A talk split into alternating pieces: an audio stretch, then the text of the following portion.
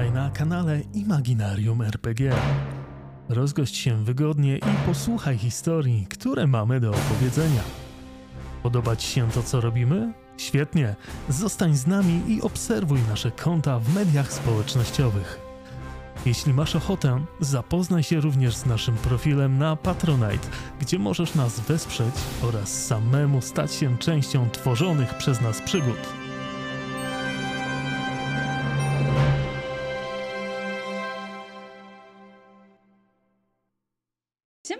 Witam Was bardzo serdecznie na kanale Imaginarium RPG.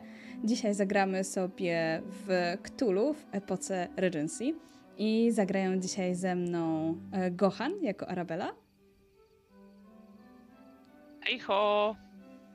Blondie jako Dora Cześć. oraz Timek jako Sir Edmund. Witam wszystkich. Ja jestem Mizu i dzisiaj będę Wam prowadzić i koniecznie chciałabym wspomnieć też o tym, że na naszym Discordzie są ostatnie godziny na to, żeby wziąć udział w licytacjach, w aukcjach wspaniałych sesji oraz ciekawych handoutów, więc totalnie wbijajcie na Discord, żeby się z tym zapoznać. Oraz e, wciąż moż- można się zapisywać na Machinę Futurę, na nasz konwent w Poznaniu, który odbędzie się w połowie marca. Więc też jak najbardziej korzystajcie z tego, bo możemy się spotkać, możemy zagrać, możemy pogadać ze sobą. I tak, i zapraszam Was też oczywiście do tego, do czego zapraszam ostatnio najbardziej, czyli do komentowania na YouTubie. Zgadza, zgadza się Maciek, dokładnie, dokładnie do tego zapraszam, bo jest nam naprawdę szalenie miło.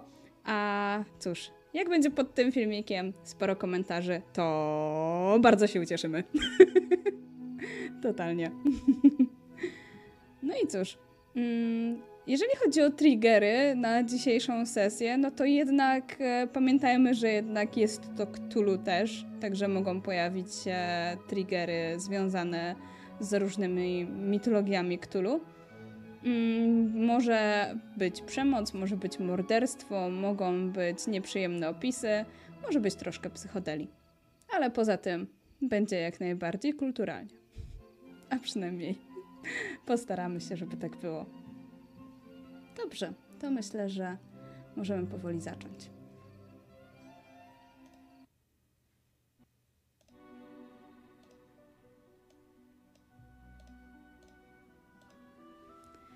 A zaczniemy naszą opowieść już na pokładzie naszego statku Santa Maria, która wypływa w stronę Hiszpanii.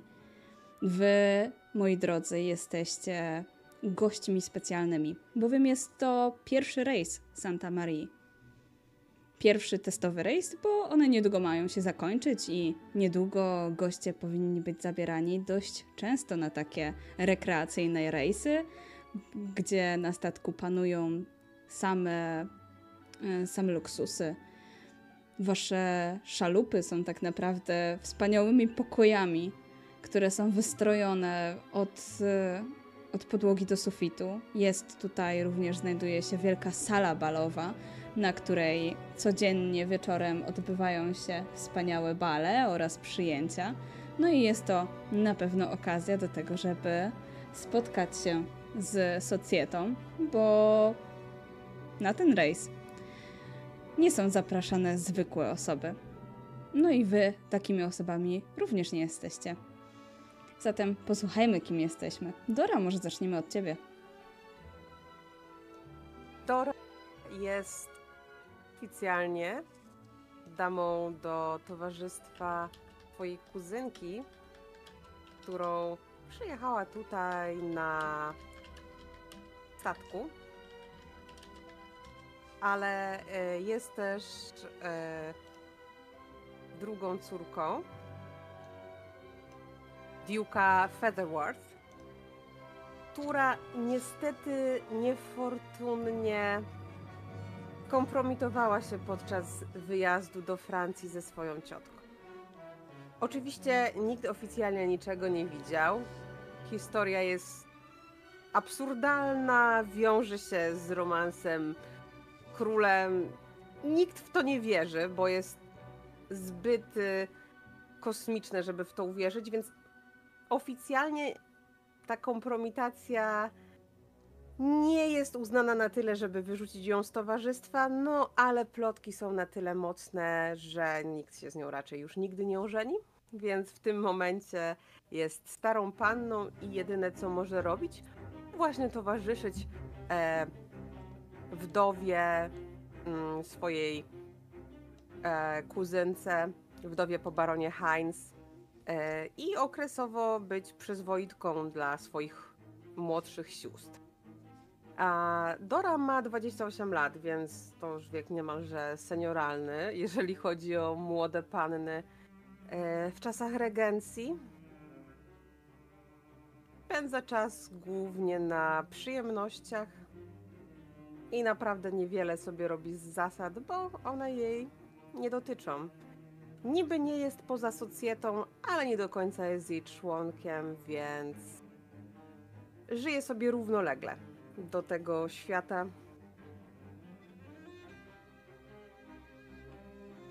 Spójrzmy zatem na Arabelę.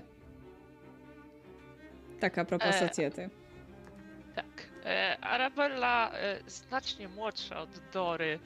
Chociaż niektórzy też już twierdzą, że powoli e, zostaje starą panną, a, a nie ma jeszcze 20 lat. E, więc, e, no ale takie czasy. E, Arabella jest e, córką człowieka, który e, częściowo partycypował w tworzeniu e, no, najnowszych statków, któ- którymi teraz mamy zaszczyt pływać i testować, czy ja, jak działają.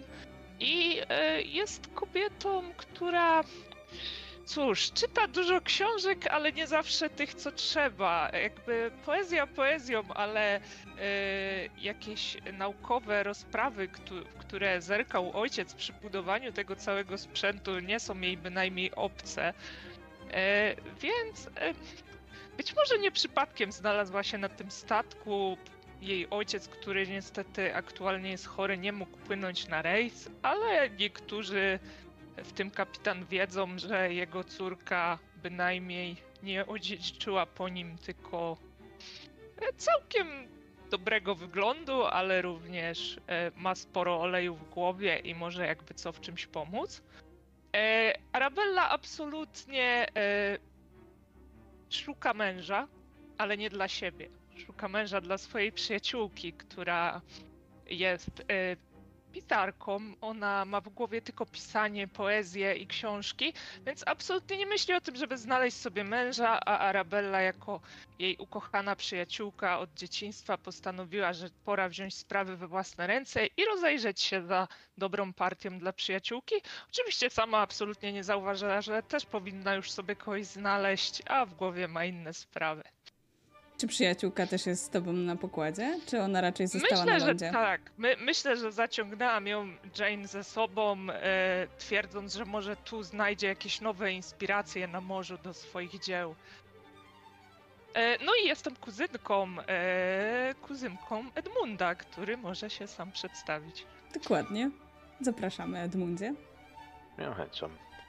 Edmund Thorn, szlachcic, który już właściwie jest szlachcicem bez rzemi, jedynie z pochodzenia, gdyż niedawno, powiedzmy, uwolnił się od tego ciężaru. Całe życie wychowany do zarządzania majątkiem miejskim, jednak gdy ojciec, matka już od dawna nie żyła, gdy ojciec zmarł w wojnach napoleońskich, to jemu przypadły ziemie. Jednak e, on nigdy nie chciał do końca iść w tę stronę. Jego bardziej fascynowała nauka, zwiedzanie, historia. I właściwie w końcu uległ namowom wujka, by odsprzedać mu te ziemie rodzinne. I tak też zrobił. Dzięki temu mógł oddać się właśnie podróżom. I tu kolejna cudowna okazja. Ten rejs dzięki znajomościom z kuzynką Marabellą i właśnie rodzinie, załapał się również na miejsce. Tak, z, z jakiegoś dziwnego powodu ojciec był bardzo zadowolony, że Edmund płynie oprócz mnie na ten rejs. Pewnie wyszedł nawet całkiem korzystnie, ale Edmundowi to nie przeszkadza. Teraz ma inne rzeczy na głowie. Tym bardziej, że na pewno interesuje Cię ziemia, do której zmierzacie. Tam na pewno Cię jeszcze nie było. O tak, stąd tym bardziej ochoczo wybrał się razem z kuzynką jego drogą. A płyniecie już jakiś czas, bowiem minęły już tak naprawdę dwa dni od kiedy wypłynęliście. Dwa dni to dzisiaj właśnie ma być ta, ten pierwszy taki większy bal. Dano wam dwa dni na to, żeby zapoznać się ze statkiem, trochę porozmawiać z członkami załogi, trochę porozmawiać z gośćmi. Natomiast jeśli chodzi o duży bal, to dopiero dzisiaj jest wielkie otwarcie. Także możecie bez problemu zapoznać się ze wszystkim i oraz oswoić z chorobą morską, jeżeli takową macie. Chociaż choroba morska to raczej jest choroba, z którą ciężko się oswoić. Póki co, jeśli chodzi o pogodę, jest ona naprawdę dobra. Jest dość słonecznie, delikatne fale wzburzają się w górę i w dół, sprawiając, że czujecie pewnego rodzaju spokój. Spokój, który poprzecierany jest tak naprawdę dźwiękiem desek ocieranych o siebie, który, które dają pewnego rodzaju ukojenie. Jest tutaj naprawdę przyjemnie, mimo że łajba kolebie się na lewo i prawo, to jest to naprawdę bardzo, ale to bardzo spokojne kołysanie. Jak spędzacie dzień? Szykujecie się już od rana do wielkiego balu? Jeżeli chodzi o Edmunda, to myślę, że wychowanie w nim weźmie górę. Mimo, że nie do końca jest to ta dziedzina, która go zupełnie pociąga, te wszystkie towarzyskie sprawy, te pogadanki na bala, te uprzejmości. Mimo wszystko to jest częścią jego życia i owszem, przygotuje się. Chociaż większość czasu do tej pory zajmowało mu oglądanie wybrzeża, jeżeli jeszcze je widać. nie wiem na ile blisko lądu płyniemy, ale pewnie rozmowy z załogą, usłyszenie o tych różnych zakątkach świata. Mhm. Myślę, że w takim razie rozmawiasz z jednym, z jedną osobą z załogi. E, jest to młody chłopak, e, Pierre. Urodzony we Francji, wychowany w Anglii. Jak się zapatrujesz, kiedy przedstawia ci swoje imię i ma zdecydowanie francuski akcent? Oj, jest ta nutka skoszknienia, w końcu e, utrata ojca jest jeszcze całkiem świeża. E, ale hmm, myślę, że ta ciekawość weźmie górę, a w końcu jak powiedział, że sam mnie bardzo kojarzy Francuz, francuskich ziem i myślę, że jako Anglik muszą być wychowane w odpowiedniej nienawiści do Francuzów, to myślę, że szybko przełamaliśmy lody. Oui, monsieur. Ech, oui, oui. To powiedz, Pierre, jak to jest tam za morzem? Za morzem, mój panie, jest zupełnie inny świat. W każdym miejscu, z którego e, spojrzysz, witają cię zupełnie inne budowle, zupełnie inni ludzie, in, inaczej poubierani, w zupełnie inne barwy. To jest naprawdę coś wspaniałego, zwłaszcza tam, gdzie płyniemy. Jest słońce, non-stop słońce. Nie to co u nas. Mało tam deszczu.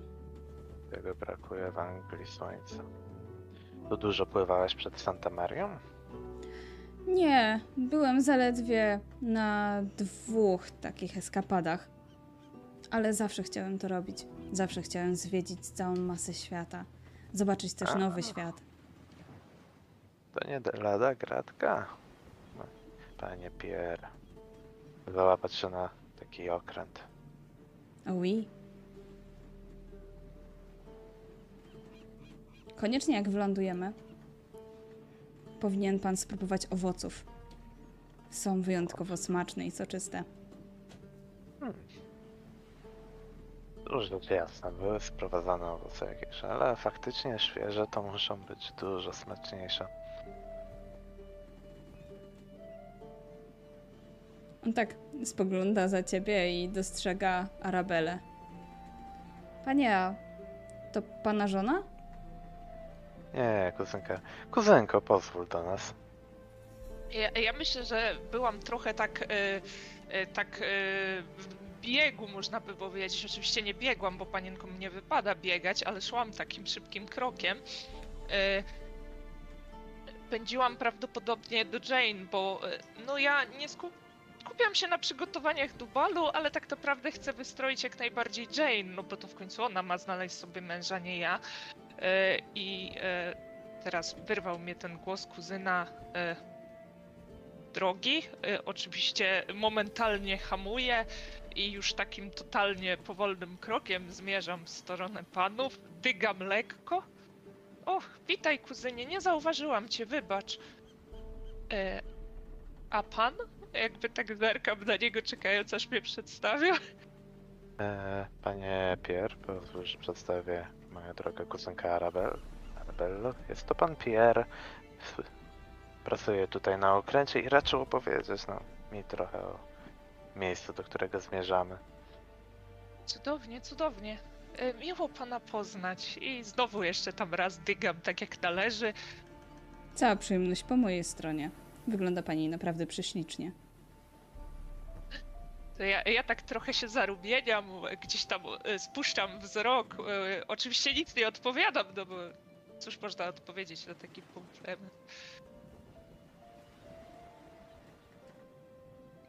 E, a a e, rozumiem, że pan Pierre też wybiera się na dzisiejszy bal? Oczywiście. Na szczęście dzisiaj wieczorem nie mam zmiany, więc jeżeli tylko możemy, to korzystamy. Szczęście rzeczywiście. E, kuzynie, ty oczywiście będziesz. Tak, planowałem, owszem. Ale nie wiedziałem, że służba również będzie na balu. Uczestniczyła. Będziemy na balu. Ktoś w końcu musi przecież Państwu podawać te znakomite posiłki oraz trunki. Ach, jako kelnerze, rozumiem, rozumiem.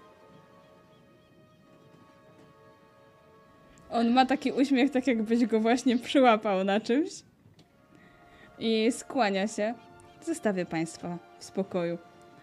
I oddala się. I Wasz wzrok pada na pannę Teodorę, o której krążą ciekawe plotki. Y, Teodora. y, która podsłuchiwała. Nawet specjalnie nie udaje, że jest inaczej. By- Jakby nigdy jej nie skonfrontuje z tym, że podsłuchiwała. Są w eleganckim towarzystwie. Nigdy jej tego nie zarzuci. Och. Panna Arabella. Sir Edmund. Jak miło Państwa widzieć. On na marsz. E, I ja znowu dygam. Jak Chyba w... Podoba Wam się ten błękit i ten mniej nasycony błękit troszkę niżej, który mamy okazję obserwować od kilkunastu godzin? naprawdę czarujące. Mimo, że człowiek miał okazję nieraz bywać nad morzem, to jednak z tej perspektywy zupełnie inne widoki. Tak, tak. Morze jest jakby bardziej morskie, a niebo bardziej niebieskie, kiedy otacza nas ze wszystkich stron. Rzeczy samej. Rozmawiał pan y, z naszym jednym z marynarzy, Pierre. Czarujący chłopiec, czarująca obsługa. Tutaj na tym okręcie. Naprawdę. To był świetny pomysł, żeby zatrudnić Francuzów. Oni dodają takiego szyku i elegancji, mm, wysublimowania, jeżeli chodzi o hotele czy okręty, najwyraźniej. E, no, znaczy, Tak, to- rozumiem, że można ich zatrudniać jako sługów, ale nie przesadzajmy z tą elegancją.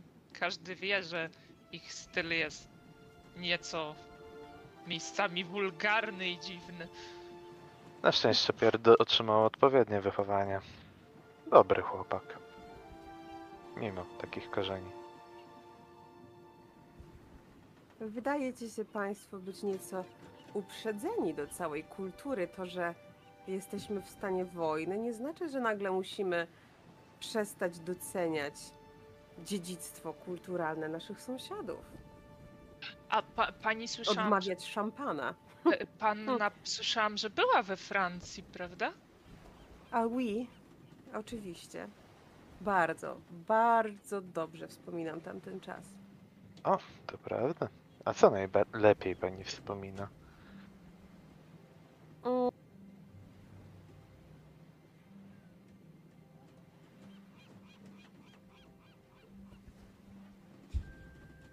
Chyba francuskiego, które tam podjęłam. Mm, I biorę łyka szampana i patrzę ci się w oczy. Rozumiem.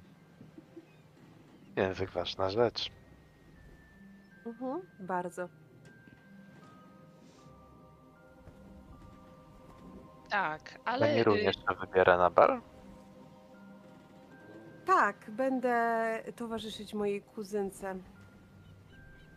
a jakieś szczególne plany na tym balu? Tak, towarzyszyć mojej kuzynce. Zresztą dlatego tu jestem. A kuzynka ma jakieś szczególne plany? Mm, Myślę, że dobrze się bawić. Tak sądzę. Pewnie Rozumiem. chciałybyśmy poznać tutejszą socjetę, może znaleźć jakichś znajomych, z którymi można byłoby zagrać w Wista kolejne dni. W ciągu dnia y, bardzo przydaliby się nam towarzysze do zagrania albo w Wista, albo w Kanastę. Warto też byłoby zorganizować być może jakiś mały klubik czytelniczy, biorąc pod uwagę, jak długo będziemy tutaj.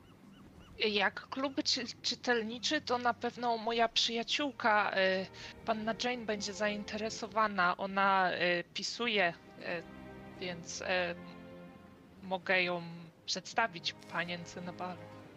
Ach, ależ będziemy zachwycone. Słyszałyśmy plotki, że jest tutaj z nami sławna literatka, ale nie byłyśmy pewne, kto to jest. Fantastycznie, że miałyśmy okazję tutaj porozmawiać, bo to zdecydowanie odmieni całą naszą podróż. Co do kart, to y, nie wiem, czy w Lista i Kanasta, ale kuzynie, ja słyszałam, że ty też podczas swoich podróży wiele gier poznałeś, to mo- może mógłbyś panią dotrzymać towarzystwa. Oczywiście z miłą chęcią. Bardzo chętnie dowiem się, w co pan pogrywa, panie Edmundzie. Jeżeli tylko pani się odwdzięczy pokazem gierek z rodem z Francji, czemu nie? Przyjemnością. I ja myślę, że obróciłam się tak lekko w bok i odkaszlnęłam, udając, że y, nie chcę robić tego przy nich. Biorę głębszy oddech po tym i... E, to ja już chyba pójdę, bo do balu coraz mniej czasu, trzeba się wyszykować, prawda? A słońce jest już dość wysoko. Tym bardziej, że świeci dość mocno. A w końcu nie chcecie się przecież opalić. Oczywiście. Zatem przeproszę panie. Udam się na razie do swojej kajuty przygotować się. Skłaniam się i proszę. I jeszcze przez chwilę tak stoję, wpatrując się w Dorę.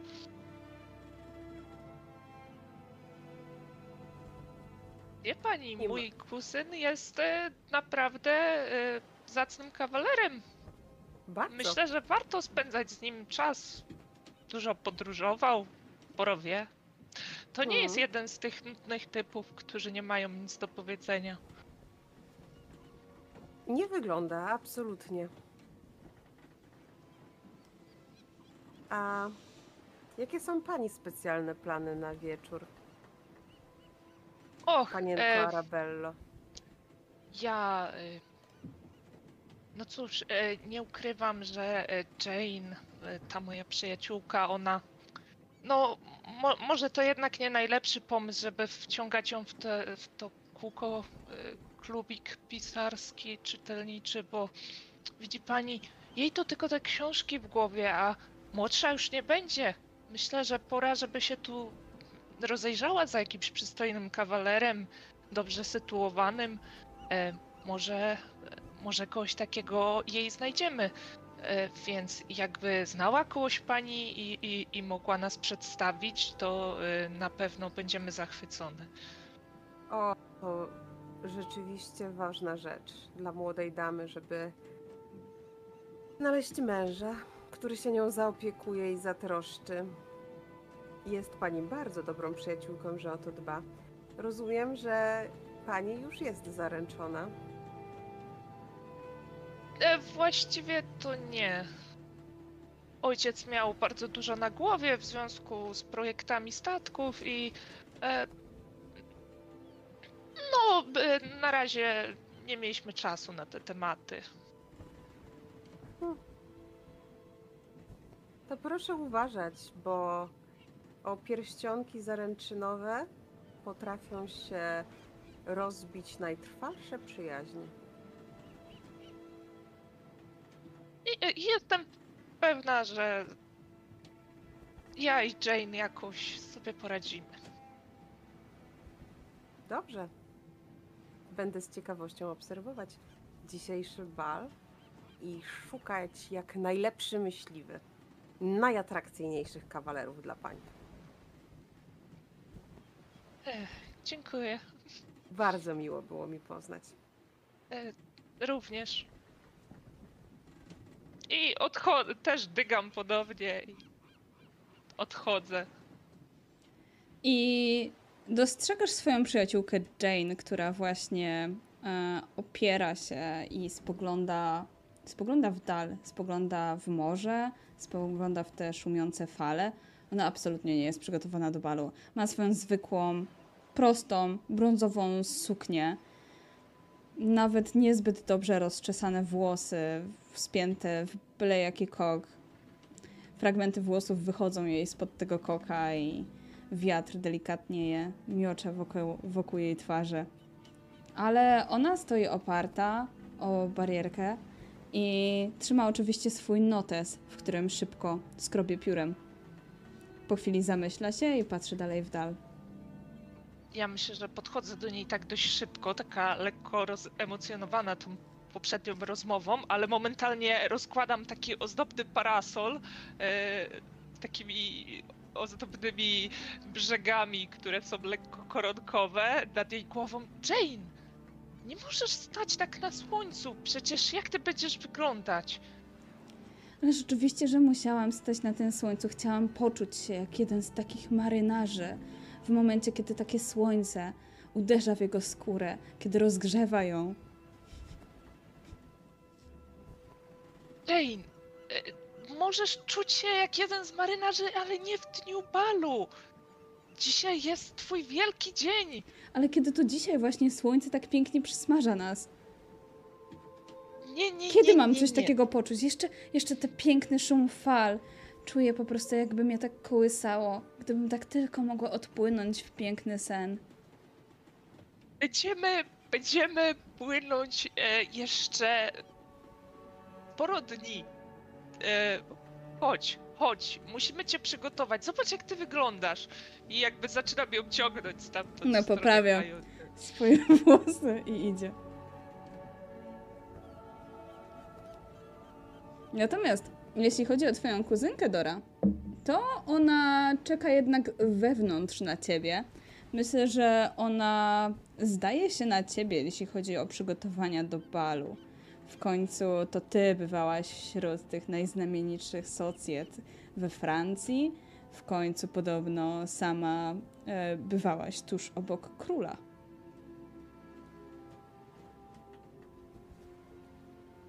Wchodzę do mm, naszej kajuty i od razu rzucam się na koje.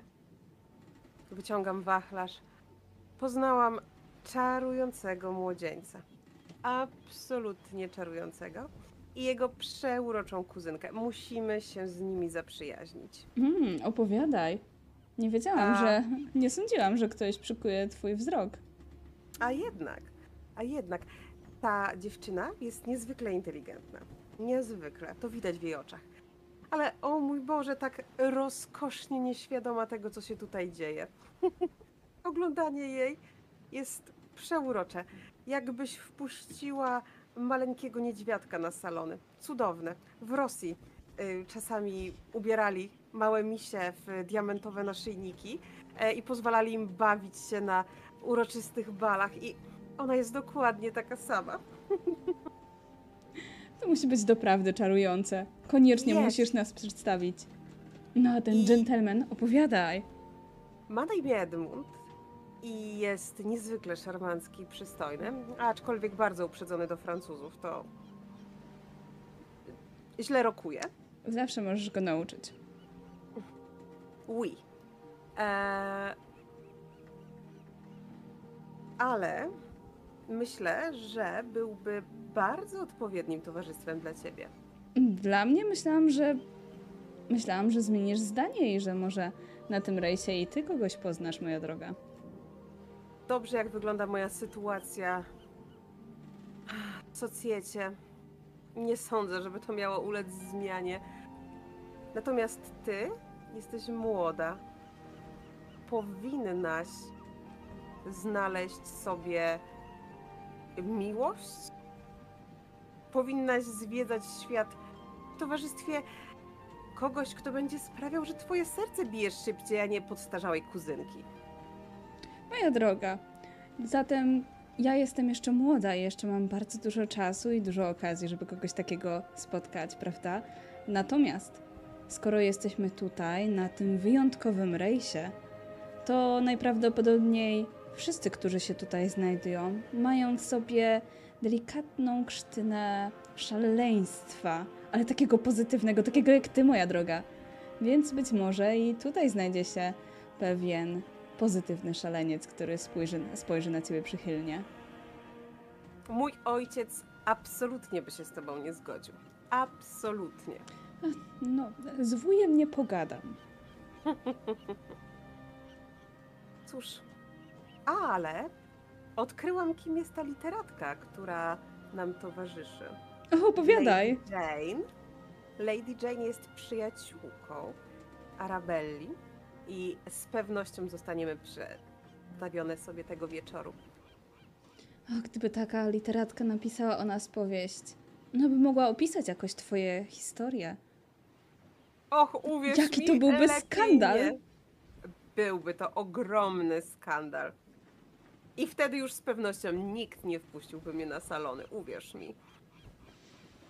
No, ale pomarzyć można. Myślisz, że te klipsy czy te? Idź w diamenty.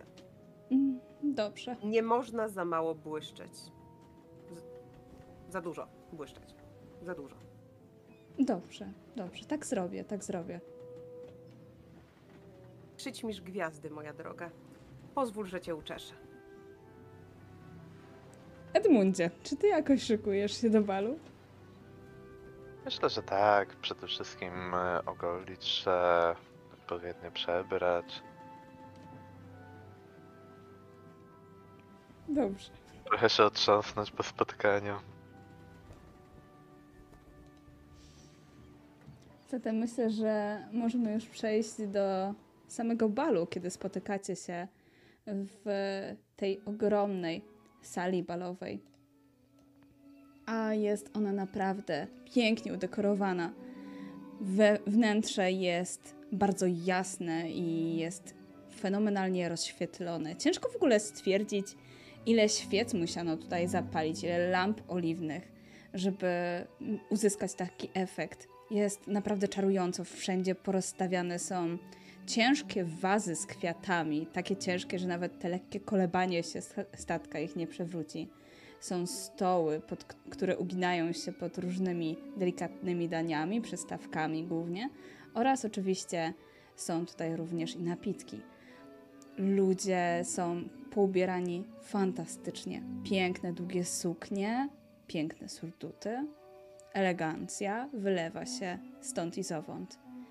Oczywiście panie noszą przy sobie wachlarze, żeby delikatnie ochłodzić swój temperament, ale i też pokazać panom, z kim mogą zatańczyć, a z kim nie.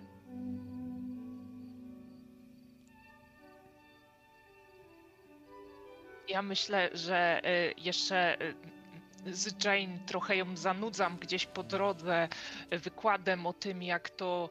y, Zobacz, Jane, tu są te otwory. To jest y, specjalny taki system odprowadzania powietrza, że jak na przykład odpalą te wszystkie świece, to ten dym wylatuje górą i to nic tu nie zostaje w środku. To jest wspaniałe. Mówię ci, o widzisz tamtą dziurę? Ojej, i wyobraź sobie taką 50. scenę. On i ona wymykają się z takiej sali balowej i biegną tam, żeby zobaczyć, co to jest za dziura. I wtedy to wszystko paruje tam i są cali brudni i muszą wrócić na bal. Ale to by była piękna scena i wtedy dopiero okazuje się, że są bratnimi duszami. Poczekaj, teraz musimy zaczekać. I ja jakby stoję z nią jeszcze tak za rogiem i liczę sobie w głowie. Nie możemy wejść za wcześnie, ani nie możemy wejść za późno. Musisz zrobić odpowiednie wrażenie.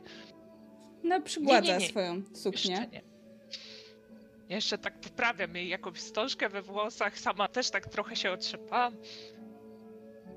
I jeszcze... A nie Dobra, powinnyśmy wejść w towarzystwie kogoś? Gdzie jest twój kuzyn? Oj, tam mój kuzyn, on... To, o, to ty masz być olśniewająca. O, on y, jest wspaniały i znajdziemy mu też odpowiednią y, żonę. Wiesz co, dzisiaj spotkałam nawet y, taką panią, kojarzysz ją może, ona, pani Ma, panna Marsz właściwie, zawsze zapominam, on, sądziłam, że w jej wieku powinno już się mieć męża, ale no cóż, widocznie się nie udało. Fenomenalna. Słyszałam, że jeszcze nawet nie wyszła za mąż właśnie. Świetnie. Nie mogę się doczekać, kiedy ją poznam. Tak, ale pomyślałam, że w sumie to ona by doskonale pasowała do mojego kuzyna, nie sądzisz? Myślę, że są w podobnym wieku, mogliby mieć, ona też podróżowała do Francji i mieliby o czym rozmawiać. Arabello, świat się staje coraz bardziej postępowy. Myślę, że jeżeli panna Marsz nie ma męża, to być może ma ku, tego, ku temu powody. Nie sądzisz? Słyszałam o jakichś powodach jej wizyty we Francji, ale to chyba tylko kupię plotki, no nie sądzę, żeby taka osoba... Ja chciałabym no poznać zresztą- wszystkie szczegóły. To by mogła być wspaniała powieść. Wiesz co, przedstawię ci ją. Zresztą obiecałam, że ją e, ci przedstawię i będziesz mogła sama z nią rozmawiać. A teraz chodźmy. Tak To jakby- odpowiednia pora, Tak. więc wchodzicie. Jak prezentuje się Arabella? E, wiesz co, myślę, że też jest całkiem nieźle wystrojona. Ma splecione włosy w taki e, długi, gęsty warkocz. Do niego przywiązane parę ozdobnych wstążek. E, sukienkę może nie ma takiej super wykwintnej, ale raczej rzeczywiście chyba to jest modna suknia mimo wszystko. E, I e, oprócz tego nie ma nadmiaru jakichś takich ozdób i biżuterii. Wygląda trochę skromnie, ale naprawdę bardzo ładnie, bo w ogóle Arabella jest bardzo ładną dziewczyną. E, Ma takie, taką drobną twarz, drobną budowę ciała i, i naprawdę niewiele wystarczy, żeby wyglądała ślicznie. I rozumiem, że Jane to zupełne przeciwieństwo, że u niej raczej postarałaś się, żeby miała jak najbardziej bufiaste rękawy i masę różnych ozdób. Dokładnie, tak. Jane jest wystrojona niemal jak choinka, ale też e, w ramach zachowania stylu oczywiście. E, Nie po to jednak jestem młodą panienką, żeby nie wiedzieć, co można, a co nie można. Myślę, że kiedy wchodzicie, to ona tak poprawia w ogóle ten rękaw, bo on jej się przykleja Ja jeszcze do tak, wiesz, ramienia. Ja ją tak szturam, żeby już nie ruszała, nie? Tylko uśmiechaj się, wysoko. Ale jak mi niewygodnie. I ona tak skiwa głową ludziom i wszyscy patrzą się na was oczywiście, bo zrobiłyście wejście w odpowiednim czasie. Widzisz w takim razie dużo dżentelmenów, które spogląda nie tylko na Jane, ale i na ciebie, uśmiechają się, spoglądają, czy idziecie może w towarzystwie jakiegoś dżentelmena. Niektóre panie też z ciekawością przyglądają się, tak jak z którymi jeszcze nie miałyście okazji porozmawiać. Ja myślę, że rozglądam się za kimś, e, o kim słyszałam, że może być taką dobrą partią dla Jane. E, jakimś kawalerze, który no, jest dobrze sytuowany, ale też może nie jest uważany za jakiegoś y, gbura, nie brał udziału w żadnym skandalu. Myślę, że można by tak przez przypadek pójść w jego stronę, niby szukając kogoś w tubie na balu. Mhm. Powiedzmy, że ma na imię Frank i jest jednym z wynalazców, a przynajmniej prosperujących wynalazców. Tak czy inaczej, dużo osób mówi o nim, że jest bardzo pomysłowym e, gentlemanem i, i że ma fach w ręku, a jednocześnie ma gust i pieniądze. A to się liczy. To ja udaję, e, szepcząc do Jane, e, chyba tam widziałam Edmunda, chodźmy, idę w stronę totalnie tego Franka. Jest to mężczyzna, który jest oczywiście wysoki, przystojny, ma mm, bujne włosy, spięte myślę w taki czarny kucyk, mm, ma delikatne bokobrody mm, i ubrany jest w bardzo porządny surdut. Oraz ma kilka odznak na kamizelce. No ja myślę, że jako, że tak znalazłyśmy się podejrzanie zbyt blisko, to tak e, dygam przed nim, oczywiście szturcham Jane, żeby też to zrobiła. Och, pan wybaczy, wydawało mi się, że widziałam tu mojego kuzyna, ale chyba zniknął już gdzieś w tłumie. E, ja nazywam się Arabella Grace, a to moja przyjaciółka, panna Jane. I uśmiecham się do niego takim uroczym uśmiechem młodej, zagubionej w tłumie k- kobiety.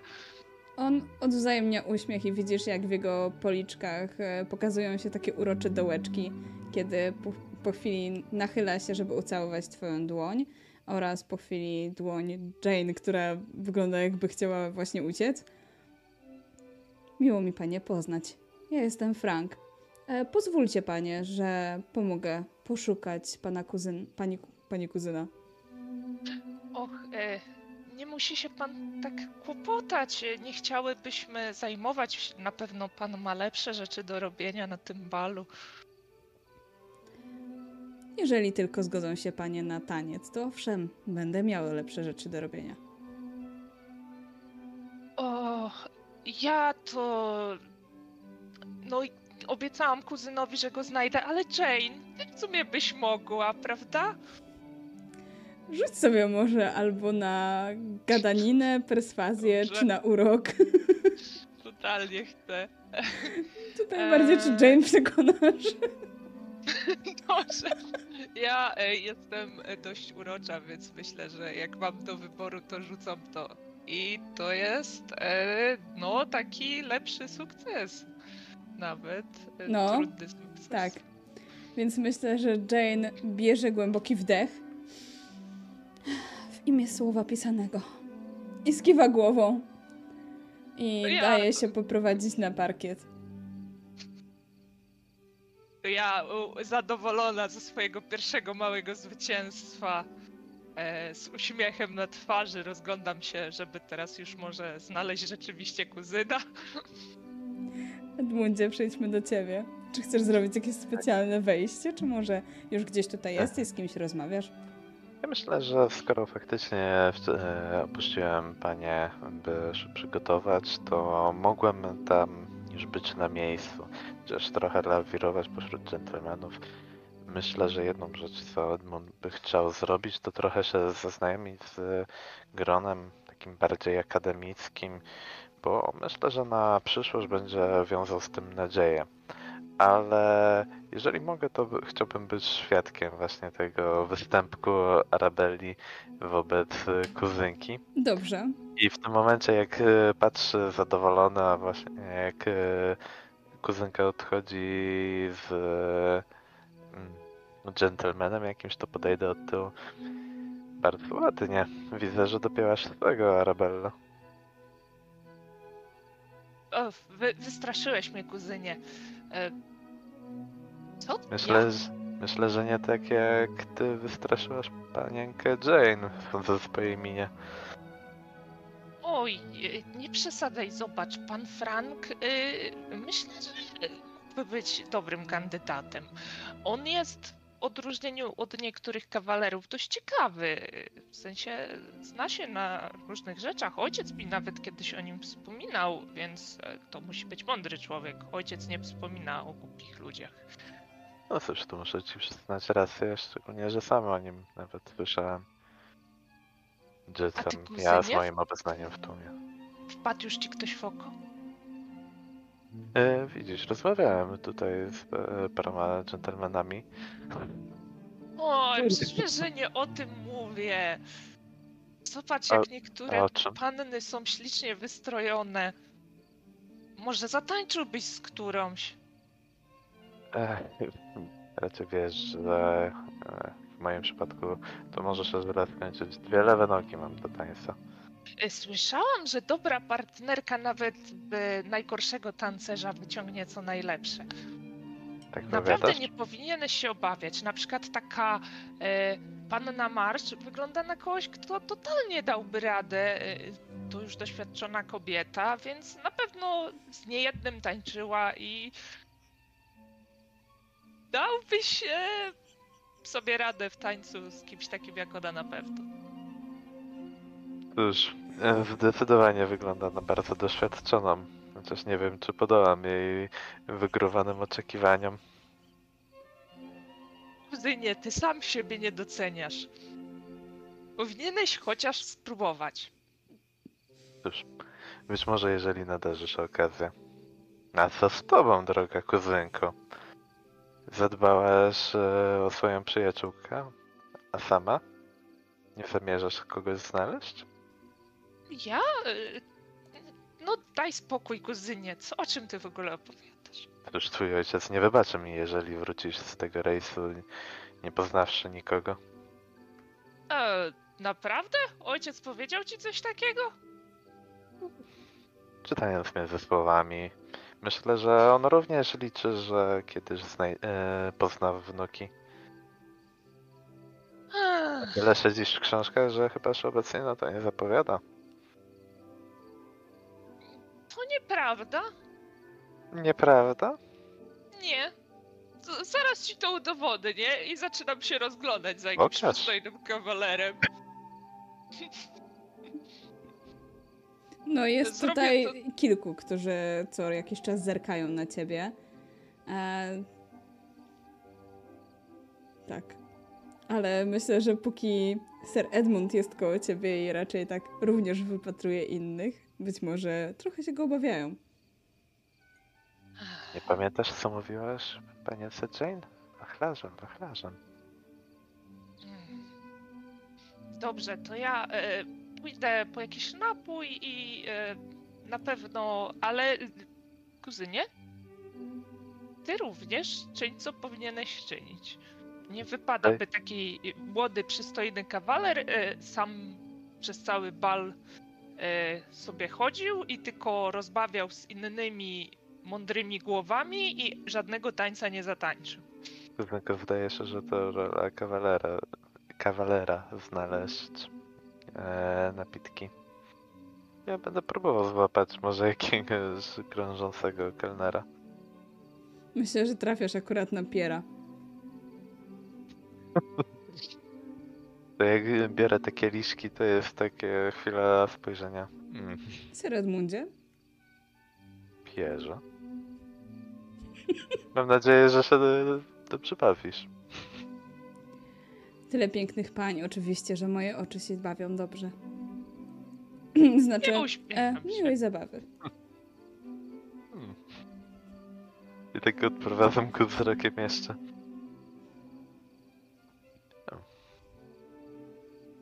Patrzę, czy na tę chwilę nieobecności ktoś się zainteresował Arabellą, żeby ewentualnie się nie wtrącać. E, podchodzi do ciebie mężczyzna mm, o pięknej twarzy. Było ciężko to nazwać przystojną. Myślę, że to jest bardziej piękna twarz. O blond włosach opadających trochę na twarz i z takim diabelskim uśmiechem skłania się przed tobą. Czy panienka uraczy mnie swoim tańcem? E, Ja myślę, że rzucam jeszcze tak okiem e, w kierunku właśnie, czy kuzyn nie patrzy, bo już chciałam znaleźć jakąś wymówkę, ale widząc, że właśnie spojrzał, to, Tak, E, tylko to skinienie głową. to tylko skinam, dygam w geście przyzwolenia i wyciągam rękę w jego stronę.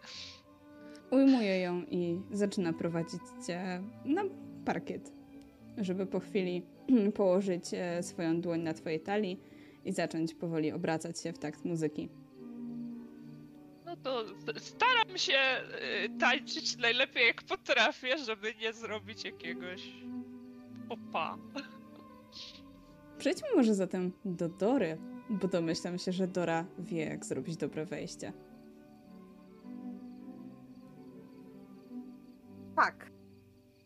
Ja wie, jak zrobić dobre wejście.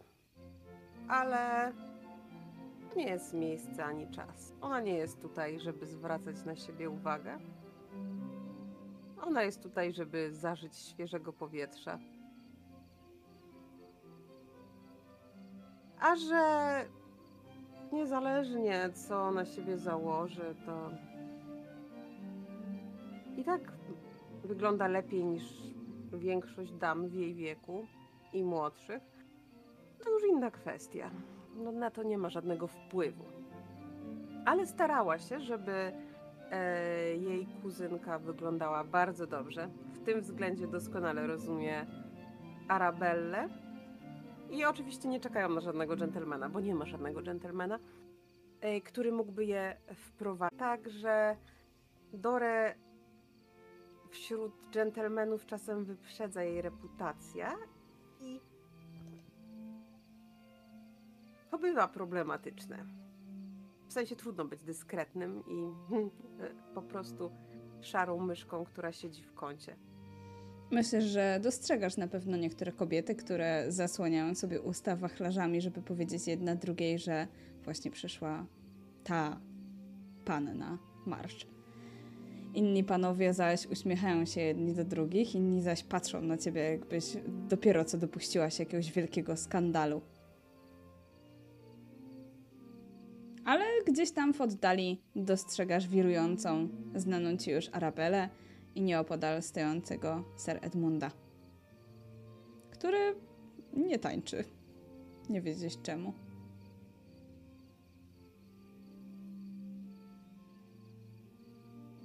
Może czekał na odpowiednią kandydatkę?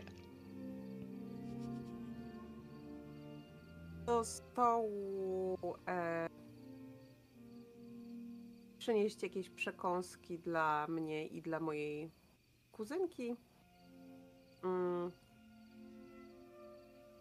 Przy okazji przywitać się z Sir Edmundem i spojrzeć na e, Arabellę.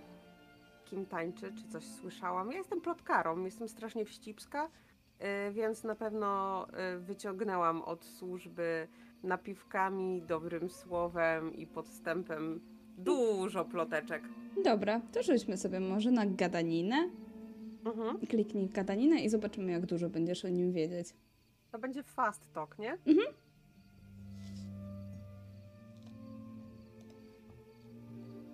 Hard success.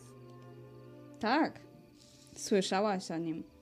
E, mężczyzna, z którym tańczy Arabella, e, ma na imię Lukas. I jest. E, jest właścicielem jednego z przybytków w Londynie. Jest to jeden z dość, e, z dość ekskluzywnych pubów, barów, bardziej takich barów muzycznych, w którym e, niejednokrotnie odbywają się koncerty, głównie na pianinie, ale niejednokrotnie są to też e, smyczkowe instrumenty.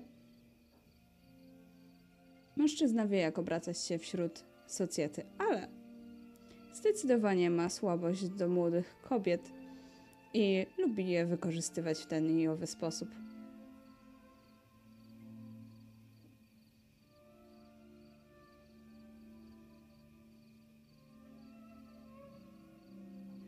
No tak. Czyli trzeba będzie ostrzec panienkę Arabellę.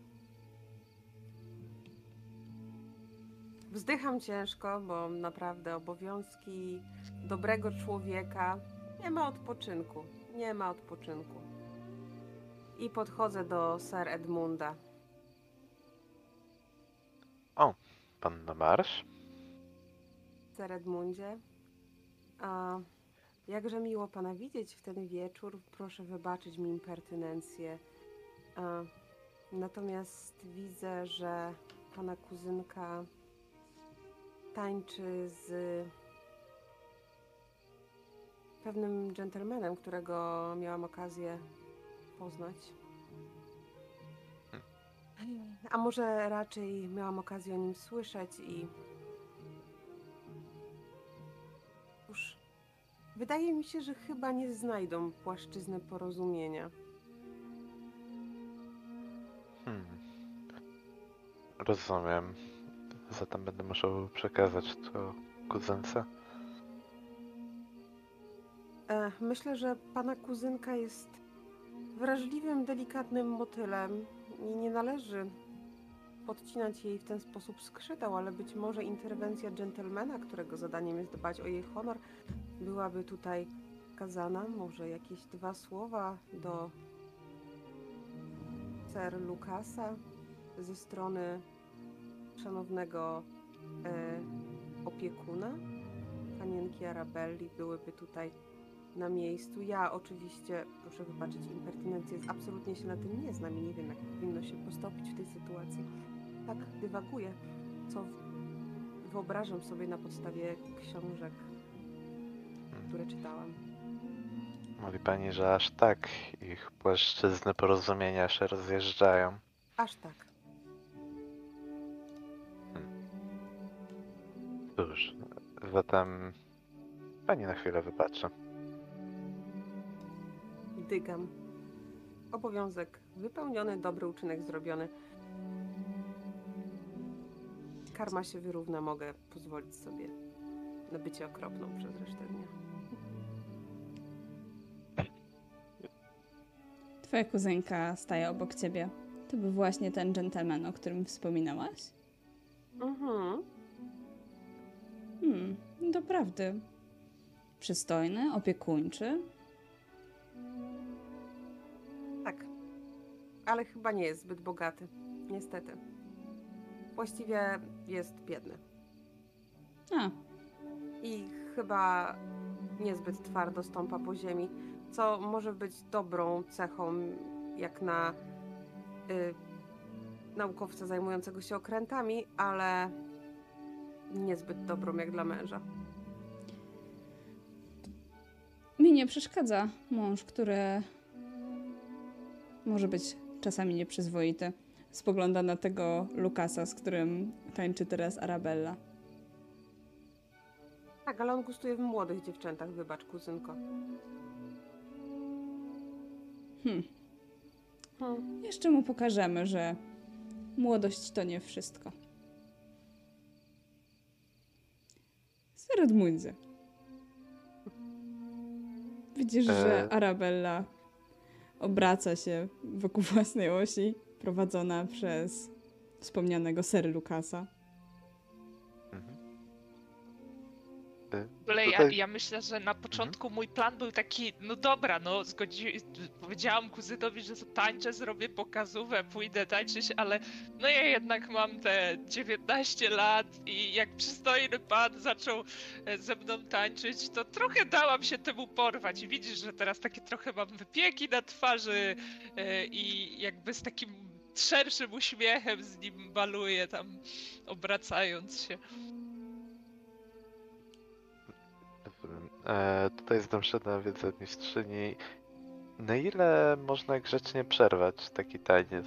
Bo domyślam się, że nie jest w dobrym guście odbijany na tego typu balu. No, raczej nie jest to zbyt dobrym guście, ale e, słyszysz, że melodia powoli już zaczyna się kończyć, więc to jest dobry moment do tego, żeby nie dopuścić do kolejnego tańca. Dobrze, zatem podejdę. Mm. Kuzynko, czy mogę liczyć na kolejny taniec? O, i ja tak przez chwilę łapiąc oddech, tak. O, e, e, e, pan wybaczy, to mój kuzyn e, Edmund. E, Miło mi pana poznać. Ser Edmundzie. Ser Lukas. Podaję ci rękę. Ser Lukasza. E- Potem. myślałam, kuzynie, że znalazłeś kogoś innego do tańca. Och, chętnie pana przedstawię mojej młodszej siostrze Monice. E, dziękuję, może później. E, Ale ci- w sumie masz rację. Pan wybaczy, panie Lukasie, ale obiecałam przedstawić moją przyjaciółkę komuś. E... Ojej, ależ to niezręczna sytuacja. Z jednej strony. mm, Na pewno żal mi pan będzie Lukas pana się nie obrazi. Ależ nie, ależ nie. Bal przecież trwa. Jeszcze na pewno będziemy mieli okazję zatańczyć, panno Arabello. Och, w takim razie na pewno do pana wrócę i skłaniam się nisko, Będę czekał. Skłania się. Jane wzrokiem. Chodź, kuzynie, musimy znaleźć Jane. E, Edmund tak chwilę czeka właśnie, czy ten wspomniany taniec nastąpi, ale skoro nie, to w sumie podążę za kuzynką po prostu. Z ciekawości się obejrzę jeszcze, czy Lukas to dostrzeże. Oczywiście. Ogląda się co chwilę za Arabellą. Ale przejdźmy może zanim dojdziecie do Jane, przejdźmy na chwilę do Dory, bo i do niej ktoś się właśnie zbliżył.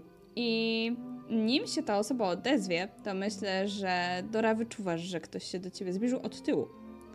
Ale nie jest to takie podejście niebezpieczne, raczej to jest e, podejście, żeby ktoś zrównał się z tobą ramieniem. I słyszysz, e, jak odzywa się do ciebie Panno March. Miałem nadzieję, że się pani dzisiaj pojawi. Ma dość głęboki głos. E, jest to dorosły mężczyzna. Zdecydowanie nie jest to jeden z tych e, młodych mężczyzn.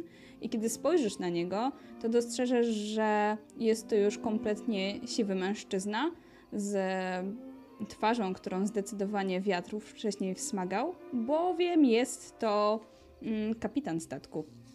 Sam e, Sir Jack Parrot.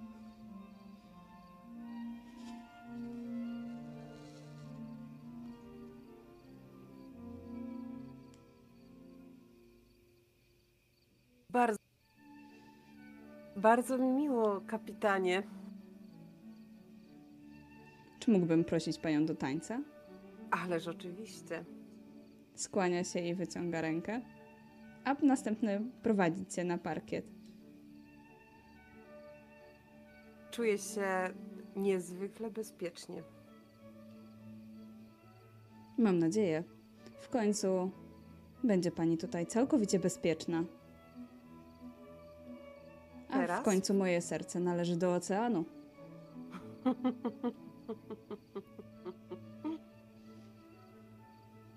Tak, kiedy widzę ten bezmiar błękitu pokładu, w ogóle się nie dziwię. Można stracić głowę i serce. Dla tej niezwykłości. To prawda. Fascynujące życie. Fascynujące. Czy pani również już wcześniej straciła dla kogoś lub czegoś serce? Chyba nie wypada odpowiadać na takie pytania twierdząco, ale też nie wypada kłamać. On śmieje się i jego wąsy delikatnie drżą.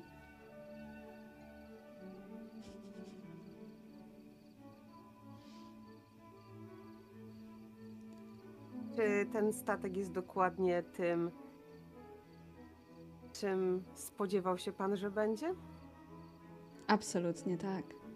Jest najlepszym statkiem i mam nadzieję, że wkrótce wszyscy będą mogli brać udział w tego typu rejsach. W końcu to ostatni taki rejs, w którym biorą udział osoby, które zostały zaproszone, a jednocześnie i pierwszy.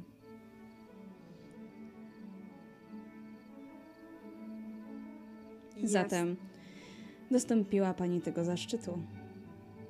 Jestem przeszczęśliwa, że mam taką możliwość. przeszczęśliwa.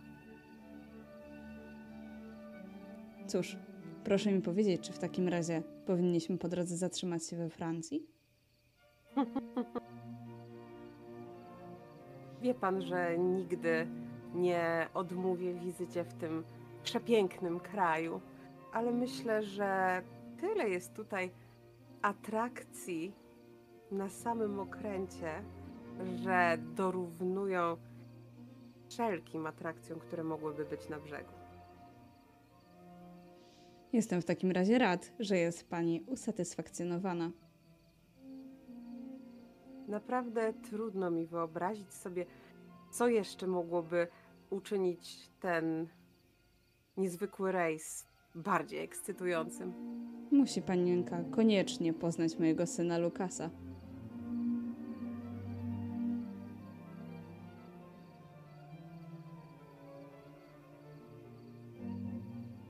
Mieliśmy przyjemność paść na siebie w Londynie. Zatem świat jest mały i cały spotyka się Bardzo. tutaj. Bardzo mały. I zadziwiająco wiele można dostrzec zdolnych pokładów i zadziwiająco wiele można dostrzec pokojów dla służby. Więc jeśli chce pan poznawać swojego syna z młodymi damami, kapitanie, to proszę odbyć z nim rodzicielską rozmowę albo nauczyć go dyskrecji. Uważam, że przydałby mu się teraz ktoś nieco bardziej doświadczony. Nie jestem mamką. O dziwo. Ani niańką. A na pewno nie dla młodych chłopców. Och, proszę wybaczyć, wcale nie miałem tego na myśli.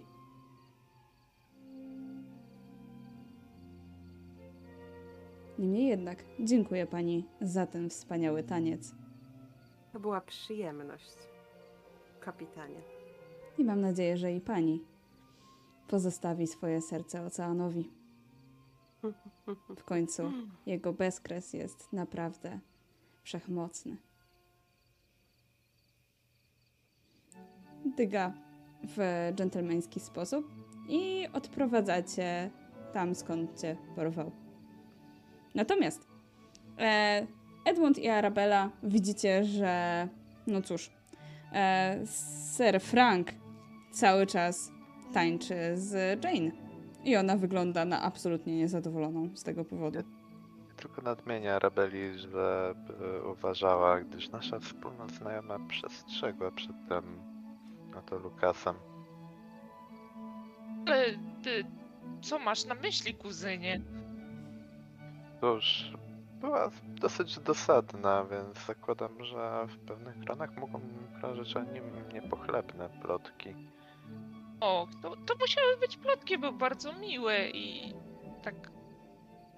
No, sam widziałeś, e, nie uchybił mi w żaden sposób i świetnie tańczy. Cóż, Może- tacy zawsze są. Jeszcze- No dobrze, będę uważała, ale y, musimy jakoś wyrwać Jane od Sir Franka. Widzę po minie, że nic z tego nie będzie. To jest Muszę ta mina, nie? To jest ta mina, gdzie ona po prostu To może y, poproś y, Jane do następnego tańca, zatańcz z nią jeden taniec, a potem przyjdź y, do mnie i, do panny Dory. Obiecałam, że przedstawię jej Jane. No dobrze, niech będzie. Poświęcę się dla ciebie. Dziękuję, będę ci dłużna, kuzynie. I jakby ściskam jeszcze tak delikatnie jego dłoń przed odejściem i takim le- lekko hasającym krokiem odchodzę w stronę Dory. A ja powrócę do roli tego odbijacza tańców. już wiesz, kiedy się skończy ten utwór. I słyszysz jeszcze, panienko, czy mogę prosić o kolejny taniec? Panienka być może by chciała spróbować z kimś nowym zatańczyć. Tak, proszę! już wyciąga dłonie do ciebie. Tak, chwila szoku. I prowadzę ją, żeby oddalić od niedoszłego dżentelmena. O, Edmundzie, ratujesz mi życie. To było Uhu. okropne. E, Arabella czeka na nas, a może z, e, dajmy zadość e, uprzejmościom i żeby nie urazić dżentelmena, zatańczmy ten jeden taniec. Skoro musimy. Tak wypada podobno. Wyobraź sobie, że najgorszy było w moment, w którym się potknęłam, a on mnie złapał w talii, ale troszkę za wysoko. Niemniej jednak Jakiś uważam, że to jest ciekawy wątek do tego, żeby zawrzeć to w mojej nowej powieści. To prawda? Tak. Niech sobie pan wyobrazi takiego dżentelmena, który pozwala sobie na trochę za dużo. Niby amant, ale jednak nie do końca. Myślę, że to byłby ciekawy bohater. Zdecydowanie. A, więc coś dobrego wyszło z tego tańca. Dobre i to. Patrz, e, chyba czekają na nas. I podchodzicie.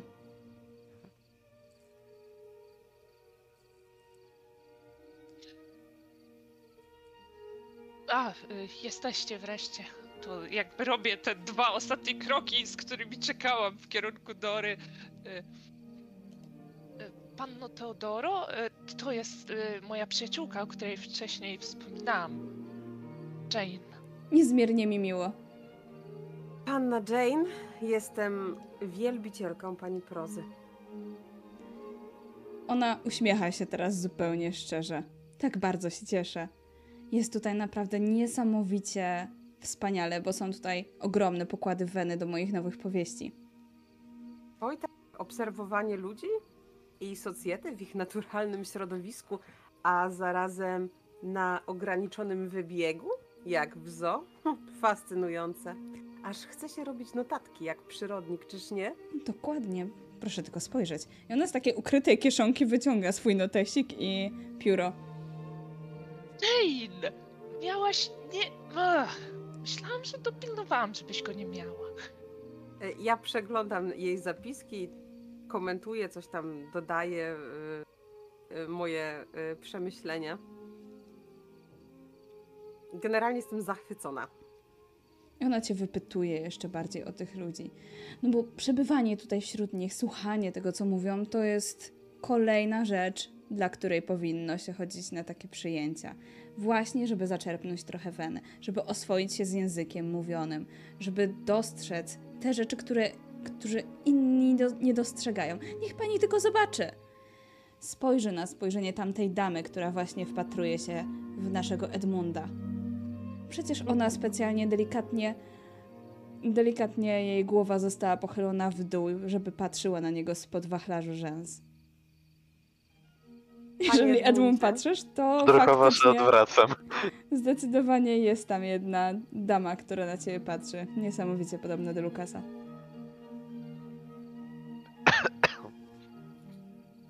To, ja, ja oczywiście też patrzę w tą stronę. To może być panienka Monika, ta, o której wspomniał pan Lukas. Mówię to takim trochę rozmarzonym głosem, mimo że mnie ostrzegali. I jest przeznaczenie. Proszę, proszę. Fascynujące. Może nie tylko oceanowi może, można oddać serce podczas rejsu. Panie Edmundzie, jeżeli przeznaczenie wzywa, to chyba trzeba stanąć do tańca. Jak już mówiłem, kurwa, obawiam się, że e, mogę nie do zagrożenia w tańcu. Jeżeli spoglądasz na nią jeszcze raz, to w tym momencie, kiedy spoglądasz, ona swoim wachlarzem pokazuje, że jest gotowa do tańca. Oj, kuzynie, nie bądź już taki. Y, Panno Marsz, proszę mu powiedzieć. On y, na pewno nie można przecież tak panienek trzymać y, w niepewności. Nie, nie można. Nie można powiedzieć nie, kiedy przeznaczenie wpiszę kadryla do naszego karnetu. I tak go lekko popycham wachlarzem po plecach w stronę tamtej damy. Edmund już pamięta, czemu nienawidził Bali. Wymierza delikatnie zobowiązany.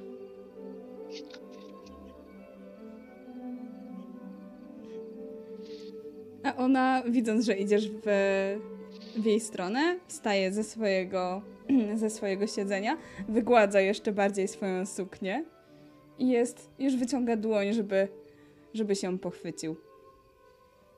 Panienko, czy można prosić do tańca? Ależ oczywiście, z wielką chęcią. I już masz poczuć tak naprawdę, kiedy położy swoją dłoń na twojej, ale do tego nie dochodzi, bo nagle, nagle statkiem zaczyna coś wstrząsać. I oddalasz się od niej, a niektórzy zaczynają panikować delikatnie, bo nagle, nagle mocno wami bujnęło. Kilka tych ciężkich was się przewróciło i rozbiło. Sztorm! Chyba mamy sztorm! E, e, Jane? Wszystko w porządku? Jakby e, ja myślę, że złapałam się boku jakiegoś stołu niedaleko którego staliśmy. Patrzę, czy ktoś się wywrócił, czy wszyscy są cali. Myślę, że wywróciło się kilka osób, kilka pań na pewno się przewróciło, dżentelmeni właśnie pomagają wstać, ale znowu was, po- wami bujnęło. Tym razem Edmund poleciał jeszcze bardziej do przodu, prawie wpadając na panienkę Monikę. Właśnie Ale on odruchowo chciał ją złapać i właśnie podtrzymać. przecież była taka ładna pogoda. Dziwne. Lepiej jak panienka uda się do kajuty swojej. Wydaje się, że to będzie koniec balu. I w tym momencie kapitan wchodzi na taką mównicę. Proszę o zachowanie spokoju i o nieopuszczanie sali. Na zewnątrz panują silne wiatry i dotarcie do kajut może być niebezpieczne. Wszyscy zostaniemy na razie tutaj. I w tym momencie lampy oliwne zamigotały na chwilę i wszystkie zgasły. I my udamy się na przerwę. Dajcie znać czaty, jak się bawicie. Czy też się cieszycie z cringe'owania Timka? Chyba się skończyło. Troszkę tak, ale było warto. No, Teraz przechodzimy do innej. Masz utrudnienie. Tim. dziękuję. Nie, to jeszcze mógł utrudnienie. Kopać leżącego. Źli ludzie. Dora też. I domyślam się, że pewnie jeszcze zaraz Arabella. Bo jesteśmy na sali balowej, w której właśnie zgasły wszystkie światła, w której ludzie zaczynają podnosić głosy, szeptać, ale nie tylko. Niektórzy zaczynają mocno rozmawiać między sobą. E, Niektóre panny zaczęły wydawać odgłosy, zupełnie jakby mydlały z, ze strachu, a całym statkiem kolebie. Sztorm jest bardzo słyszalny z zewnątrz. I co ciekawe, chociaż te lampy naftowe zgasły, to gdzieś, gdzieś się jeszcze tlą jakieś światła. Natomiast e, część załogi oraz kapitan, proszę o zachowanie spokoju. Zostańcie na miejscach. Jakie są wasze reakcje? Ja pisnęłam takim cienkim, dziewczęcym głosem w momencie, jak zgasło światło, ale e, Arabella jakby nie jest typem osoby, która będzie panikować i, i, i będzie bardzo długo wystraszona. Raczej to był szok, że tak nagle coś się wydarzyło. E, Więc e, po chwili dość logicznie e, stara się dostrzec w tych ciemnościach, co z innymi, gdzieś tam wymacać Jane, która obok niej stała, czy na pewno nadal stoi. Pyta nawet, wszystko w porządku? Jesteście tu? Jaki plot twist.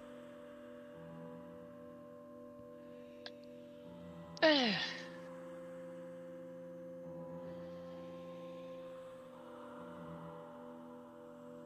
Patrzę, czy gdzieś jest moja kuzynka w bezpiecznym miejscu. Czy Mm. raczej za bardzo nie ma możliwości jej dostrzec? W bliskiej odległości jesteś w stanie dostrzec e, Arabellę, Edmunda, Jane. Okej. Myślę, że twoja kuzynka też gdzieś tutaj jest. Może nie widzisz dokładnie jej twarzy, ale te diamenty przecież tak się bardzo błyszczą. W końcu sama jej dobierałaś. Staram się tak zerkać, żeby mniej więcej e, była w moim polu widzenia, ale też nie chodzić nigdzie. No bo jednak nie wiem, co się wydarzyło, troszeczkę czuję niepokój. Czy, czy z tego pomieszczenia są jakieś e, okna, czy cokolwiek, co wychodzi na zewnątrz, żeby spojrzeć? Czy Nie ma. ono było akurat takie zamknięte ze wszystkich? Zamknięte ze wszystkich stron. Póki co, na razie słychać odgłosy paniki. E, Edmund poczuje się do dżentelmeństwa i był zapewne najbliżej e, tej panienki, która zapraszała go do tańca, więc trochę weźmie ją pod e, swoją opiekę. Ona się trzęsie. Czujesz, że ona jest przestraszona. Czy wszystko będzie w porządku? Czy, czy statek jest bezpieczny?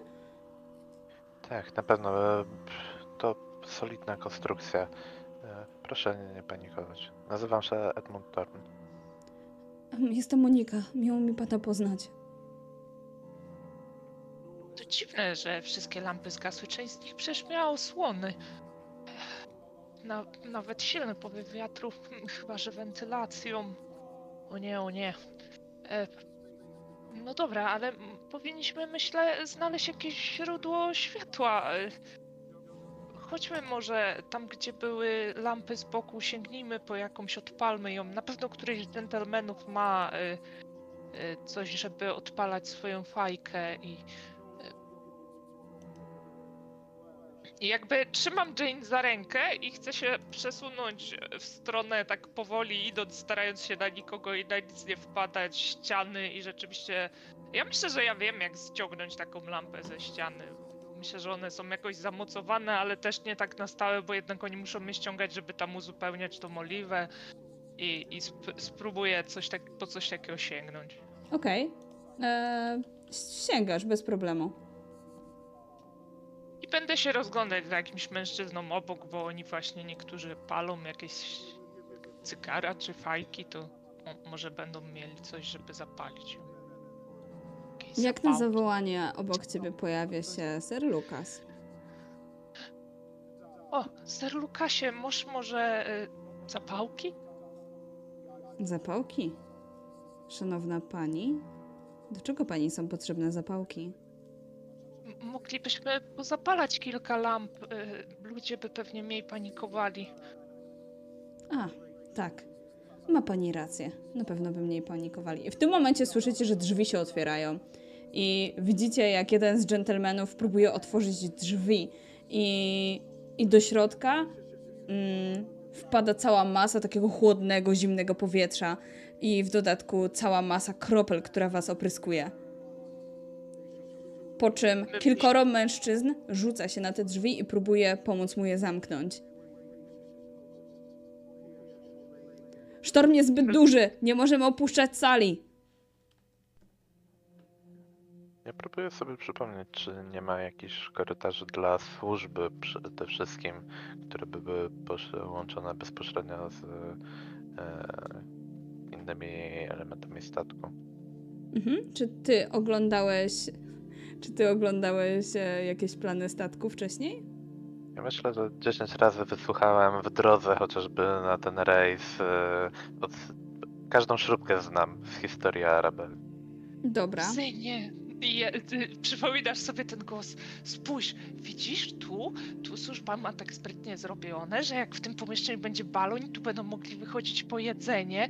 Spójrz tylko na to, to przecież jest genialne rozwiązanie. W ten sposób nie zajmuje tego, tej balustrady na zewnątrz, a jednocześnie e, będzie bardzo wygodne, żeby to wszystko donosić. Ojciec to genialnie zaplanował, nie sądzisz? Nigdy nie mi się to przyda. Panie Komuniko, proszę za mną. Tak, Chyba nie będzie bezpiecznie. nie będę opuszczała pana boku. Ja najpierw zmierzam po moje e, wcześniejsze towarzyszki, które tak mnie zdradziecko wypchnęły. Widzisz, że obok nich stoi Lukas, który właśnie podaje Arabeli zapałki. Ja, ja odbieram od niego. Oczywiście e, gdzieś tam nasze ręce się stykają na moment. e, ale chłodną rękę. Cofam, szybko cofam ją z tym pudełkiem zapałek. E, I, i, I trochę przez chwilę mi się tak ręka trzęsie, jak próbuję odpalić te zapałki, ale wreszcie tam odpalam jedną. Odpalasz i w tym momencie dzieje się coś dziwnego, bo nagle pojawia się pewne światło w tym pomieszczeniu, ale ono jest czerwone. Widzicie, że wszystko jest skąpane w takiej mocnej czerwieni. I kiedy spoglądacie po sobie, to widzicie, jak wszyscy, absolutnie wszyscy, wyglądają na jeszcze starszych niż są. Arabello, wyglądasz jakbyś miała z 80 lat. Dora podobnie, podobnie Edmund. Niektóre osoby wyglądają jakby miały po prostu zapadniętą skórę mocno, niektóre nie mają oczu, a po chwili wszystko, wszystko, ale to absolutnie wszystko wraca do normy. No, ja, ja, myślę, że tak trzymam panicznie tą lampę, lekko się trzęsąc. Wszystkie lampy są zapalone. Co to było? Co się stało? O, Nie. ma pani moje zapałki. Uśmiecha się Lukas. Pan to widział? Tak. Doskonałe rumieńce na pani policzkach. E, e, nie, nie o to mi. E, ach, czy mi się tylko wydawało. Czy pani źle się czuje? Czy może odprowadzić panią do pani kajuty?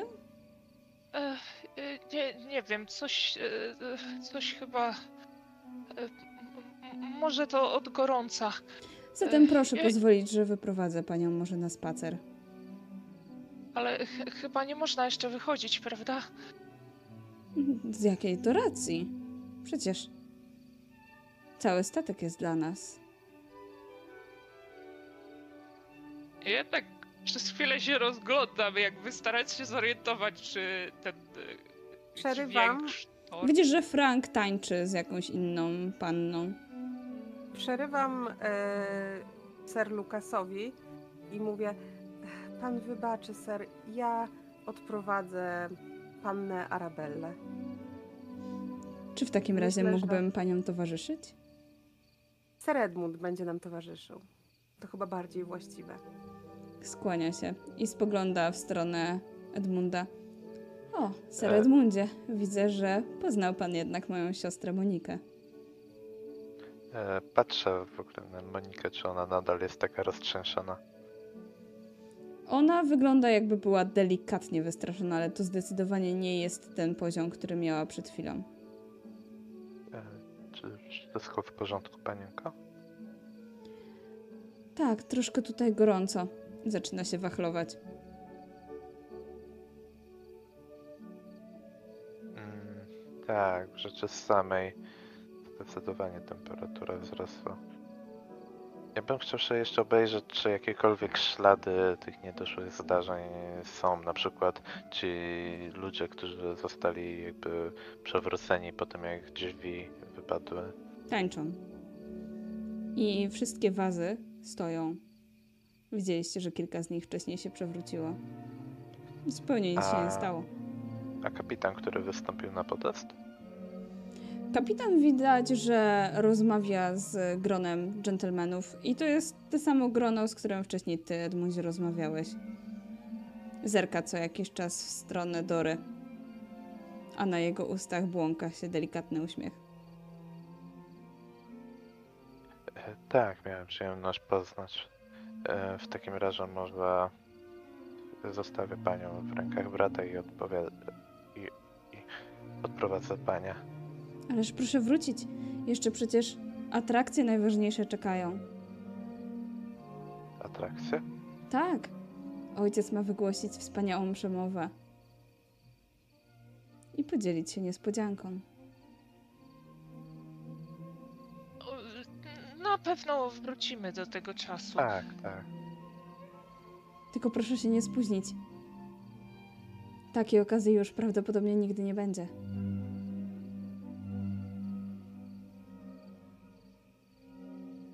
Oczywiście.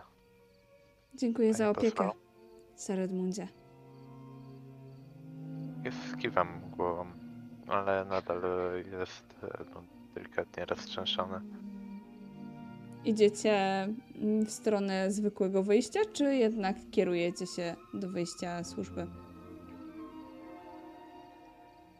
Jeżeli nie słychać tego sztormu, to Nie. chyba bym szła w stronę zwykłego wyjścia.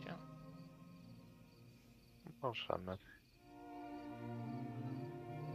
bardzo zaniepokojona tym, co miało miejsce tutaj. Mm, bo to było naprawdę dziwne i chciałabym się podpytać a, nie kogoś z obsługi, jak to wyglądało, co się działo poza salą balową. Mhm. Więc chyba e, kierowałabym ich w stronę tamtego wyjścia dla służby. Może znajdziemy gdzieś Piera, on nam troszeczkę ufa a, i nam powie, czy też wydarzyło się coś dziwnego z ich perspektywy, czy to się działo tylko w salonie, może to jest część atrakcji, które przygotował kapitan.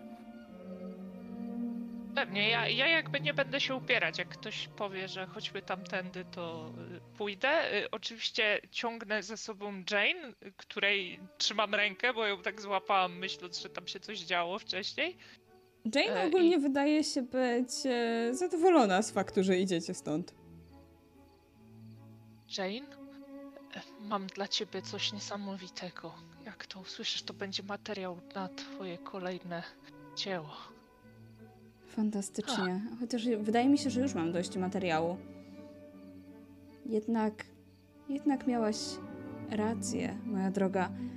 Ten gentleman, z którym tańczyłam, jednak miał w sobie to coś. Okropny był. Okropny. Wspaniały materiał na bohatera. Jane, chyba nie do końca o to mi chodziło. Dobrze, dobrze, opowiadaj, opowiadaj. A wy widzicie e, Piera, który się podpiera o stół z, z taką wazą, z ponczem i przygląda się wzdychając różnym paniom, które przechodzą akurat obok i komentują suknie innych pań.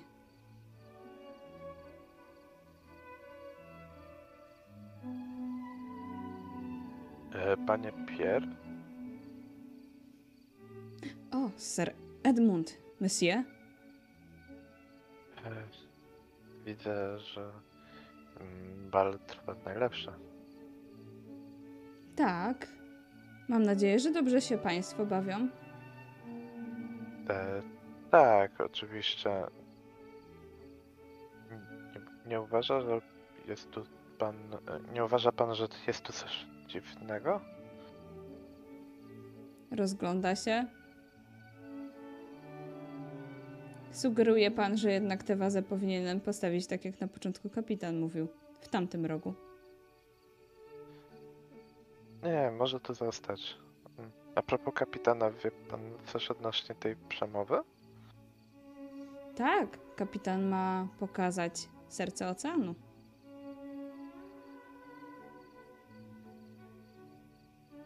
Ach, wybornie. Nic, nie będziemy chyba przeszkadzać, patrzę po towarzyszkach. Ej, tak, ja zdecydowanie potrzebuję trochę świeżego powietrza, kuzynie. Ale panie Pierre, czy to, co wydarzyło się przed chwilą, kiedy zgasły światła, kiedy był sztorm? Czy Zerka na tutaj- ciebie tak jakby, jakby nie wiedział, czy ma zachować powagę. Zerka to na ciebie, to na Edmunda. Potem zerka Rozumiem. na Jane i widzi ten jej notes. Sztorm! Nie, nie, nie. Nie będzie sztormu. Wszystko będzie dobrze.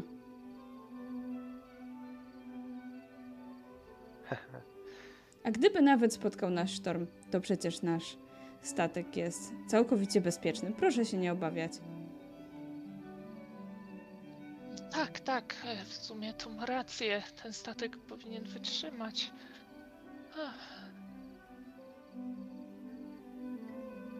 E, e, Chodźmy, chodźmy. I jakby ciągnę i tak ich trochę bardziej, bo szczególnie po tym jak Dora powiedziała, że ona też widziała zgaszenie świateł i sztorm, to jak tylko wejdziemy w jakieś tam przejście, gdzie nikogo nie ma. E, pani też to widziała? Rzućcie sobie jeszcze może na coś, co by mogło odpowiadać spostrzegawczości. Mm, albo może nawet takim dodatkowym sensom. Od Hidden? No, No może jest być. spostrzegawczość.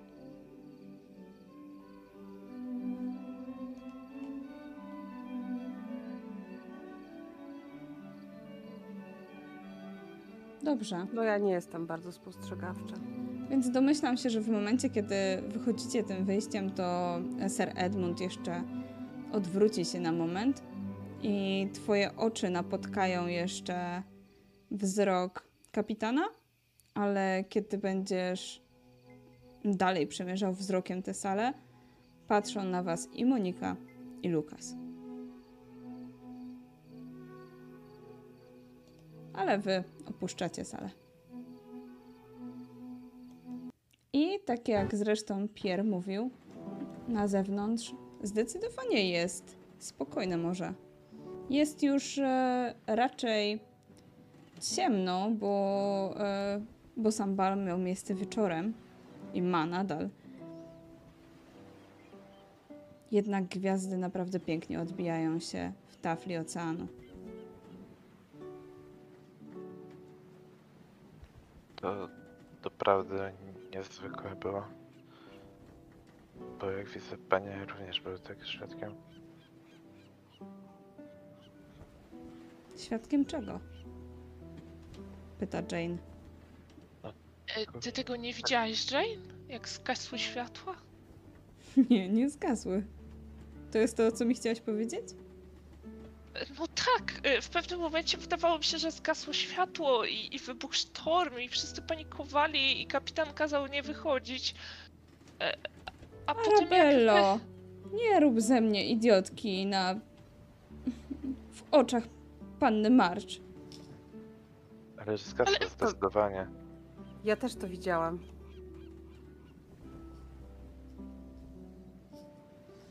Czy ktoś nam coś dolał do napojów?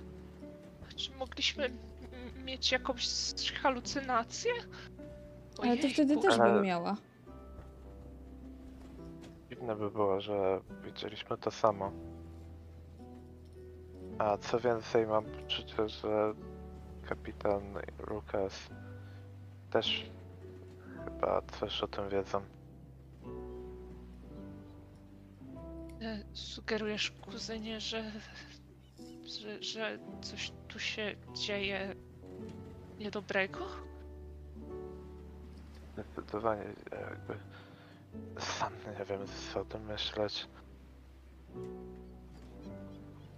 Przypomnij mi, czymże jest serce oceanu? Ja e, byłam pochłonięta budową samego statku. Zupełnie zapomniałam, że tu mają się wydarzać jakieś rzeczy. To jakiś.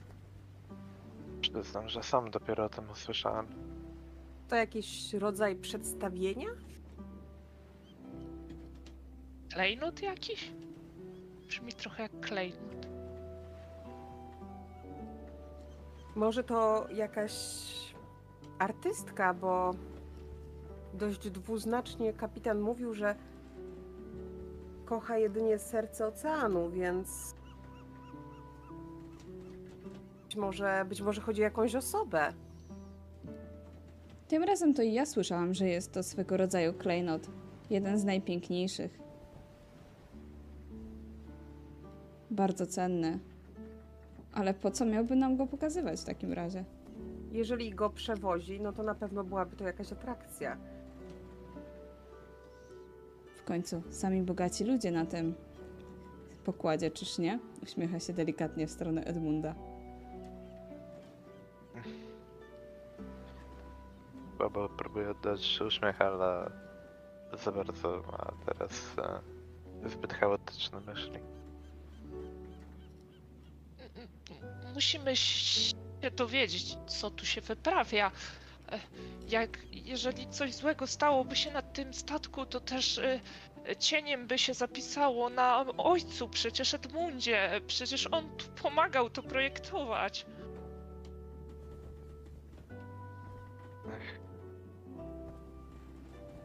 Nie wiem co tu się dzieje, ale chyba nie powinniśmy być na tym pokazie. Może wykorzystajmy to, że wszyscy są na balu i rozejrzyjmy się w okolicy mostku albo kajut kapitańskich. Może stamtąd czegoś się dowiemy.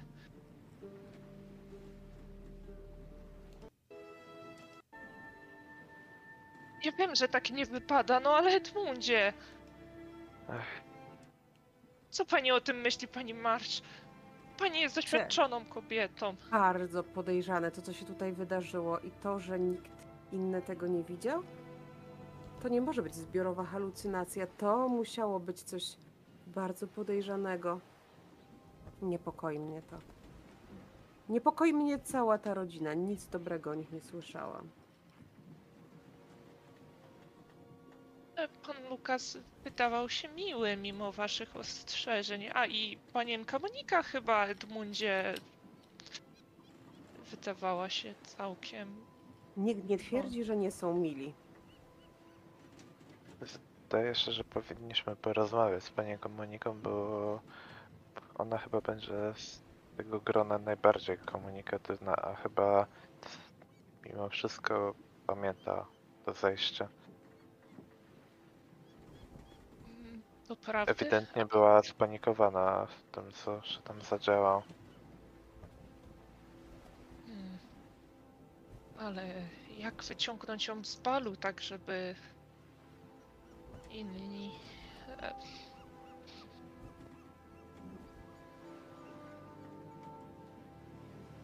Obawiam się, że nie powinienem pani narażać. Może jednak kuzynko pani Marcz, udacie się do kajut? Ale Edmundzie, przecież ty nie możesz wyprowadzić Moniki z sali balowej. Ale mogę z nią porozmawiać na sali. Na przykład w trakcie tańca. Odważny bohater powraca na salę balową.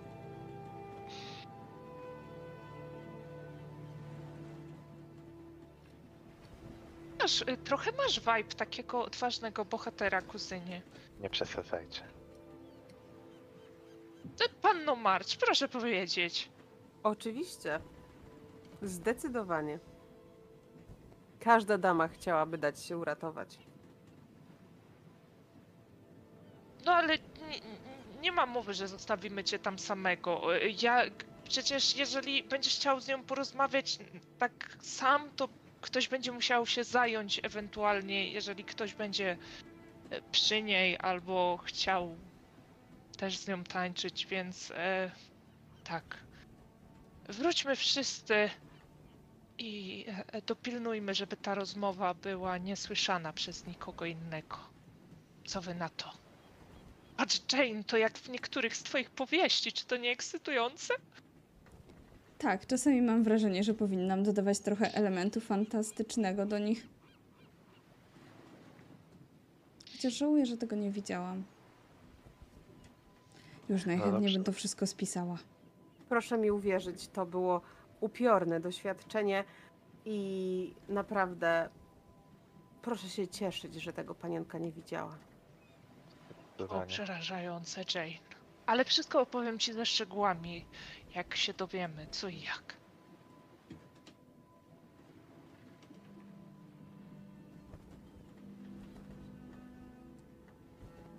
Czyli Myślę, że rozumiem- wracamy na bal.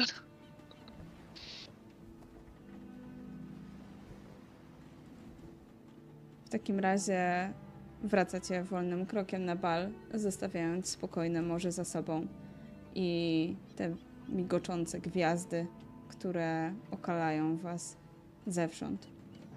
A jeśli chodzi o salę balową, to niestety, ale ona znowu nie jest normalna. Tym razem, kiedy wchodzicie do niej, widzicie, że ludzie tutaj wyglądają jeszcze inaczej niż wcześniej. Mają zupełnie inne ubrania. To są te same twarze. Te same twarze tych ludzi w tym samym wieku. Widzicie dokładnie twarze Franka, tylko że on ma zupełnie inny strój.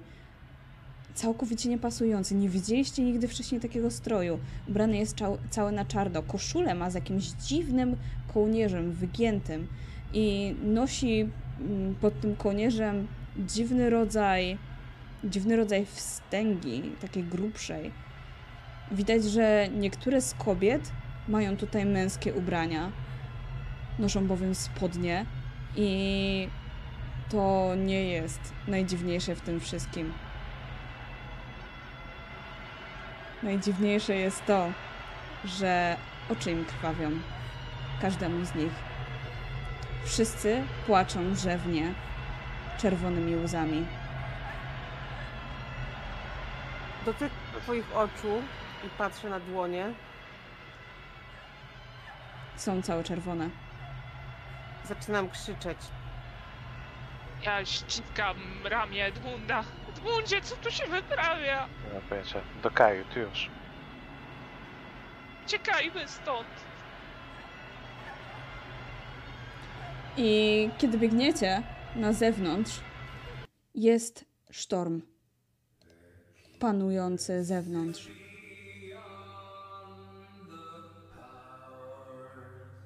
Bo na zewnątrz jest cała masa po prostu deszczu, wiatru oraz dziwnych istot, które delikatnie falują na oceanie. Kiedy, kiedy spojrzycie za burtę, widzicie ogromną postać, która znajduje się pod statkiem. Ciężko jest stwierdzić, co to jest, bo to jest po prostu jedna wielka czerń. Gdzieś w oddali delikatnie coś się wynurzyło, i to, co się wynurzyło, jest ogromne. Statek, na którym byliście, jest wielki. Jednak teraz czujecie się bardzo, ale to bardzo malutcy w porównaniu do tego, co znajduje się pod oceanem.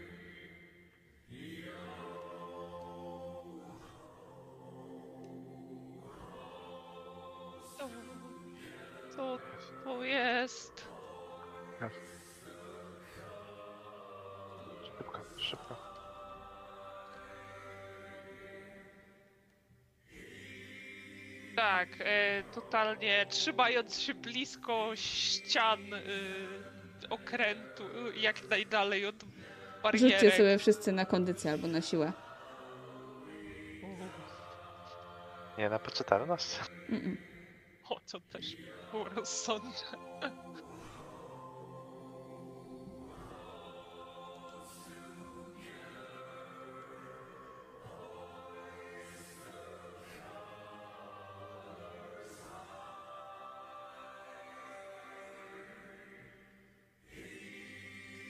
Widzicie póki co przed siebie.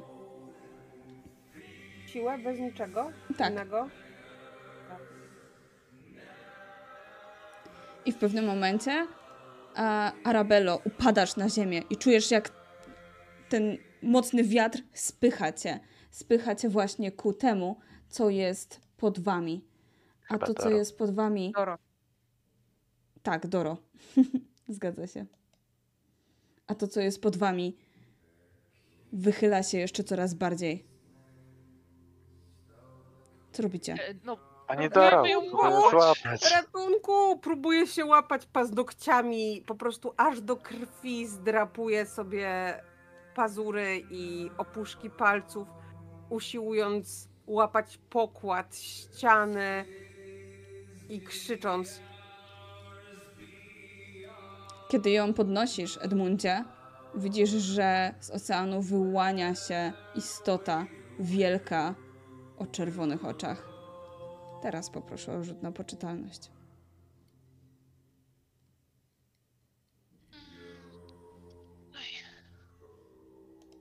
oj. To nie wygląda jak dobry wynik.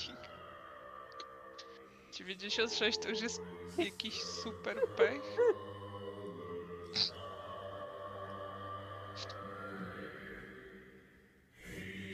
To jest, wszyscy jesteśmy jak Tak. równo. Powiedzcie, co się z jest dzieje, nie moi drodzy. sytuacja.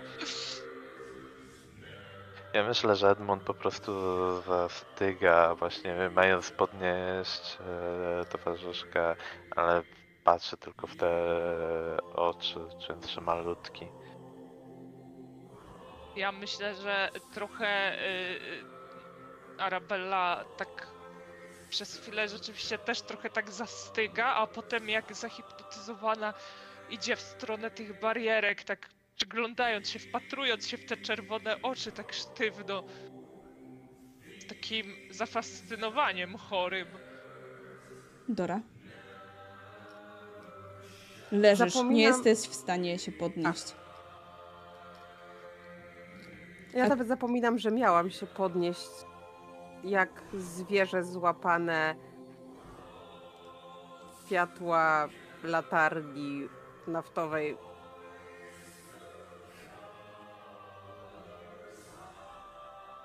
Sarna otoczona przez wilki. I w tym momencie słyszysz, słyszycie wszyscy głośny plusk. I widzicie, jak przepotężna macka sięga po Dorę, oplatając się wokół niej. I to jest dosłownie moment, a Dory wśród was nie ma. Co robicie? Podbiegam do barierki krzycząc nie. Ja. I y, widzisz, jak postać mruga tymi czerwonymi ślepiami i wraca do oceanu.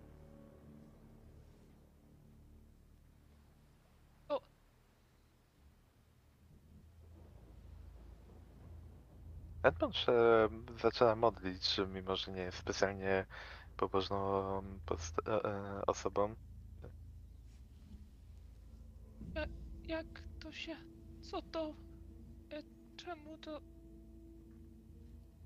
Ja myślę, że Arabella trzyma się tak e, tej barierki rękami, tak że aż zbielały jej, tak mocno je za, zacisnęła całkowicie.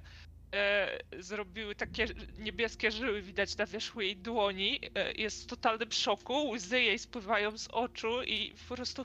Ale jak to? Co to? Sztorm zaczyna słabnąć powoli.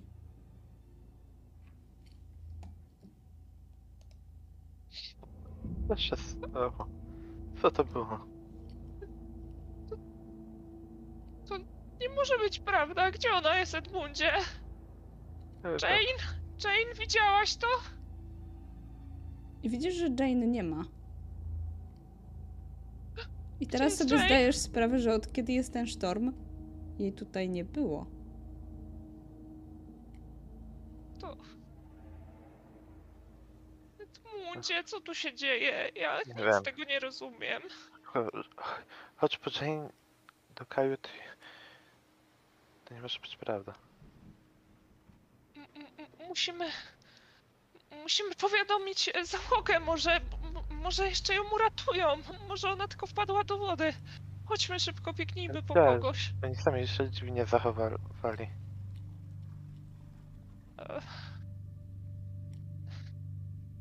No ale... Przecież jesteśmy na środku e, oceanu. Musimy jakoś...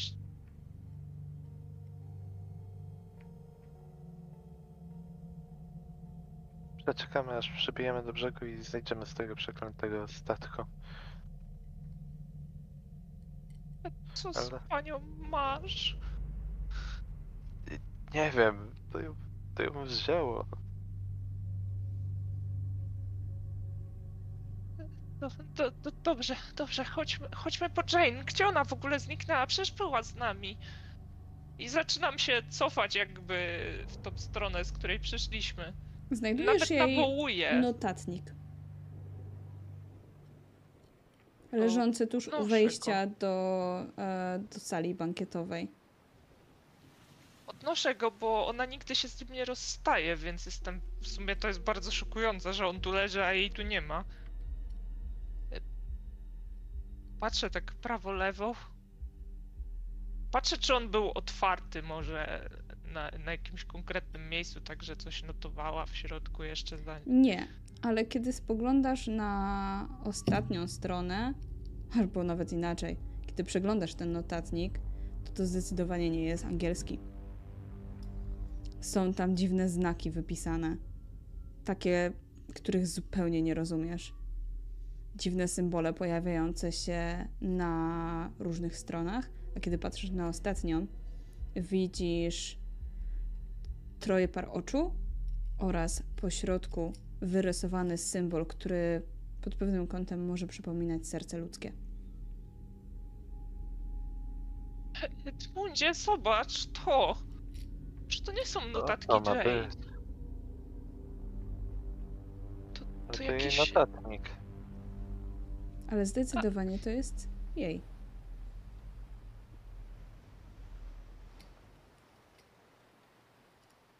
Serce oceanu. E, Musi, może, może znajdźmy kapitana, on może coś wiedzieć, może zmusimy go do mówienia. A co jeżeli to on za tym wszystkim stoi? Ale Ale nadal, gdzie jest Jane? Myślisz, że wróciła na to cele? ja myślę, że to może zajrzyjmy, tylko nie wchodźmy tam. Dobrze. Myślę, że tak ściskając ten notatnik chcę rzeczywiście tak tylko zajrzeć do środka, robiąc też miejsce, żeby Edmund mógł zerknąć. Mhm. I wszyscy tam są, bawią się dobrze. Co więcej, widzisz w oddali kawałek sukni pani Dory. Czy jak już wróciło do, do, do normalności, czy nasze ubrania są właśnie takie potargane, mokre? Nie, są całkowicie suche. I wszystko wokół znowu jest normalne. Ja, ja myślę, że ja. y, Chociaż nie do jestem... końca. Oj, Nie do końca, bo znowu zmieniły się delikatnie stroje, w których są obecnie goście. Delikatnie zmieniły się też wasze stroje. Wyglądają na troszkę. Mm, troszkę zbyt swobodne. Troszkę zbyt postępowe. Nie ubralibyście się tak. Tak nie przystoi. Patrzę na ten notatnik. Jest wypisane Frank, bohater kolejnej powieści. Absolutnie nieprzyjemny mężczyzna, zadufany w sobie i pozwalający sobie na zbyt wiele.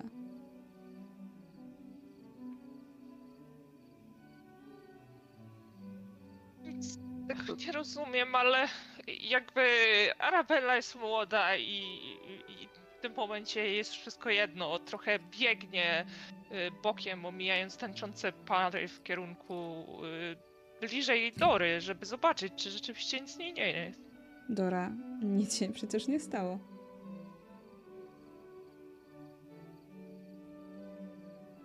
Czy ona teraz z kimś tańczy, czy stoi tam gdzieś mniej więcej, gdzie wcześniej ją zostawialiśmy, spotykaliśmy? Myślę, że rozmawia ze swoją kuzynką. Ja podbiegam. Nic pani nie jest? O, jen. Tak się martwiłam. Czy ja. Czy to jestem ja? Tak. I wydaje ci się, że przez chwilę musiałaś na chwilkę przysnąć na jednym z krzeseł. Miałaś bardzo dziwny sen. Chyba zasnęłam na chwilę za dużo szampana. Miałoby mi być. Pani Marsz, tam... Jak pani poszła z nam... Wypadła pani za burtę. O, to niemożliwe.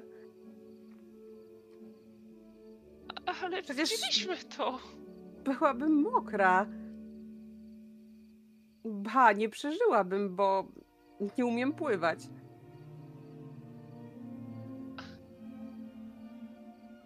Ale nie pamięta pani wcześniejszego zajścia?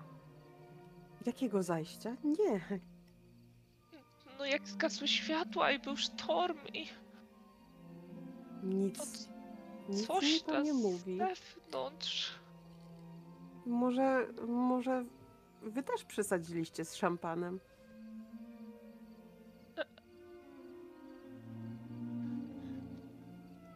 I Słyszycie w tym momencie taki huk szampana otwieranego przez Piera. Mamy Edmund już Ja tak przez chwilę też podskakuję wręcz w miejscu.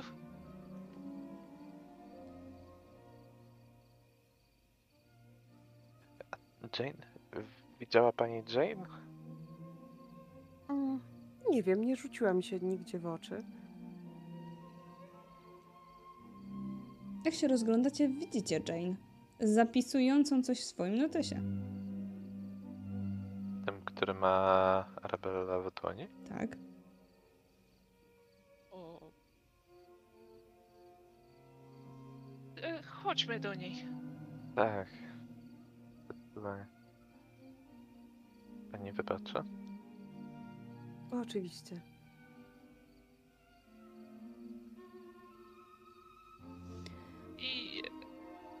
Ja jeszcze tak przez chwilę miałam takie, że chciałam pociągnąć ją ze sobą, bo jakby nadal nie dowierzam, że ona tu jest, ale... Nie, to dobrze. E, kinam jej tylko głową i też odchodzę za kuzynem w stronę Jane.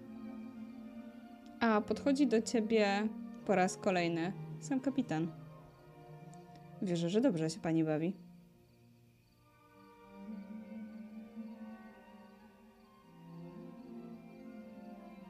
Dory. Tak.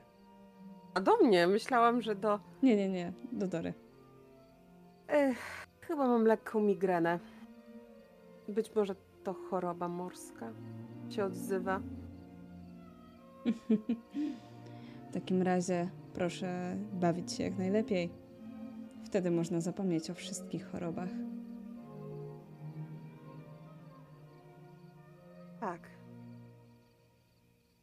Ważne, żeby bawić się z czystym sercem i sumieniem, czyż nie? Owszem. Miłej zabawy.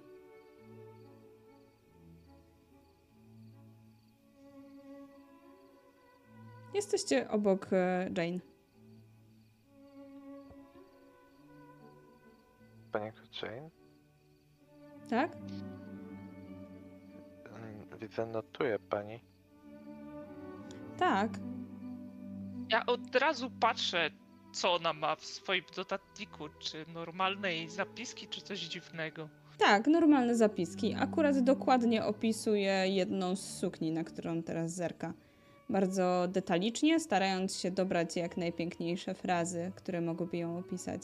Porównuje ją do, do natury, do, do różnych odcieni barw.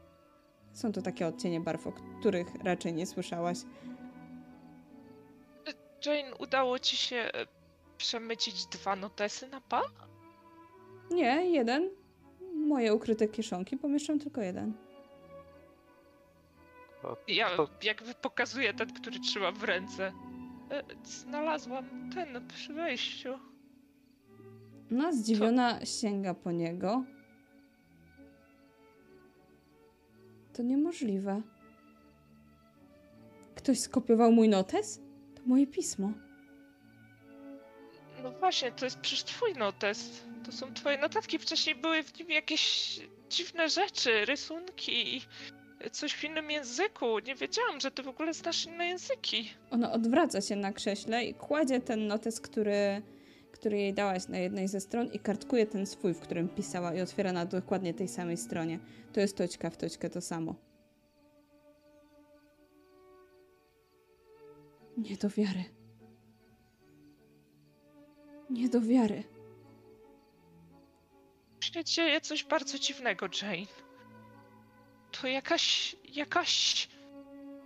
magia jest.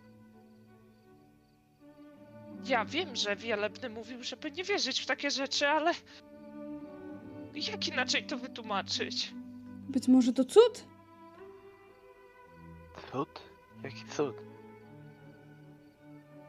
Nie, to nie ma nic wspólnego z Bogiem. Jakieś szatańskie omamy. Widzieliśmy, jak pani Dora wypadła za burtę, a teraz jest tu znowu. Ależ pani Dora przecież. I teraz zerka i widzi, że kapitan od niej odchodzi. Jest tutaj.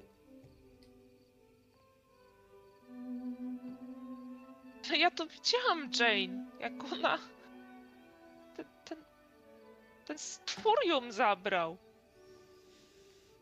Arabello, mówiłam ci, kochana, żebyś nie czytała tej, tych dziwnych powieści o różnych potworach i ich stwórcach.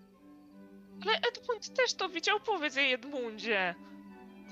Tak było. Chcecie mnie tylko nastraszyć. Jak zawsze. Od kiedy byliśmy mali. Ale to nie tym razem, Jane. Ty przecież wiesz, że już tego nie robię. Teraz mieliśmy być poważni, znaleźć męża.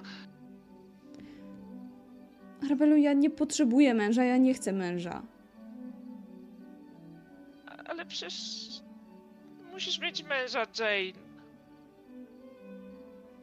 Niedługo będzie za późno, skończysz jak Cóż za pani Dora. kawaler zrozumie moją pasję do pisania? Ja muszę, ja muszę tworzyć, ja mm, nie znajdę czasu na zostanie gospodynią domową. To musisz znaleźć na tyle bogatego, że będziecie mieć dosyć sługów, żebyś nie musiała się tym zajmować. Być może, ale, ale najpierw dokończę tę powieść. Tak, chyba nie czas na takie dyskusje, może nie będziemy przeszkadzać. Panience Jane. No tak. Prawda, Arabella? Tak, ale dajcie koniecznie znać, jeżeli coś dziwnego znowu zobaczycie. Tak, tak. Tak. e, Panienko Arabello, czy zaszczyci mnie pani kolejnym tańcem? Lukas uśmiecha Ja się diabelskim Znowu tak uśmiechem. trochę podskoczyłam, wystraszona, że ktoś coś do mnie powiedział. Wypytaj go. Ja, ja mam taką mocno niepewną minę, ale jak słyszę ten szept Edmunda, to kinam głową Lukasowi i podaję mu rękę. On tym razem chwyta cię nieco pewniej za dłoń. To już jest takie nawet e, trochę bardziej spoufalające się e, pochwycenie i prowadzi cię na parkiet. Ale raczej nic złego nie robi. Normalnie z tobą tańczy. Jak panienka się bawi na balu? No właśnie, sama nie wiem, ser Lukasie. E, Tak Wydaje sądziłem. mi- Powinienem panienkę odprowadzić do kajupy. e, być może, ale e, czy pan też widział te dziwy, które się tu działy? Mówi pani o sztormie. Tak, tak, właśnie. Widział pan to? To doprawdy niepokojące, czyż nie? Bardzo.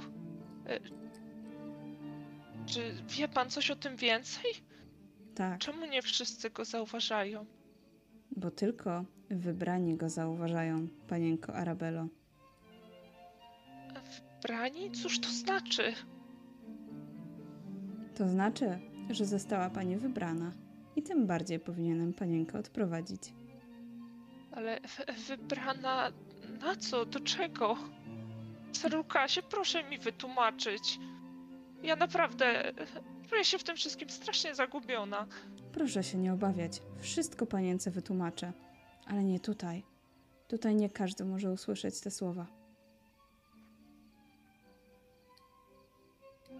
Proszę się ze mną spotkać po tym tańcu, tam, za kotarą.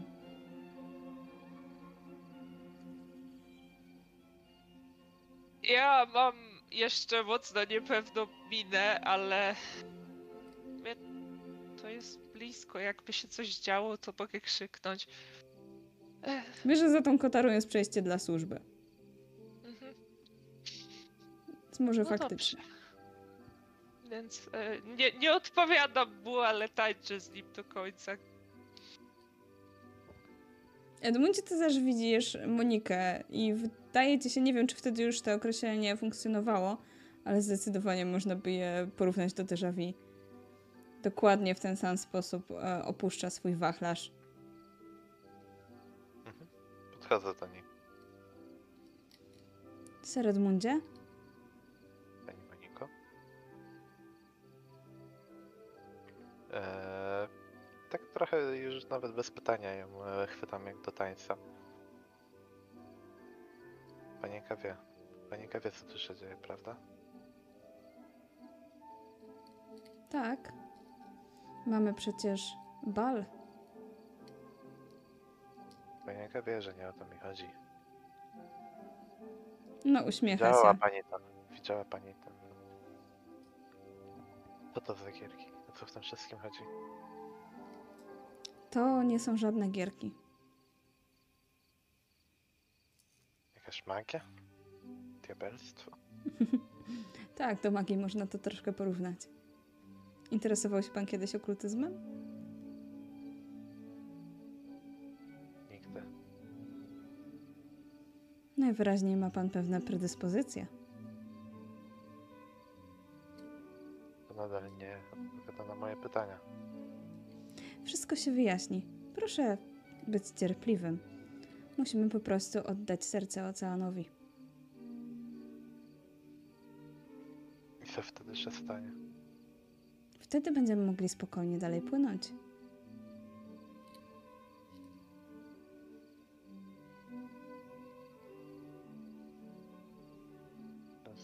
A to serce gdzie teraz jest?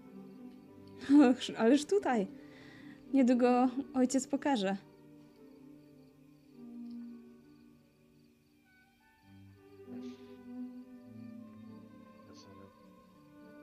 I co jak oddacie je?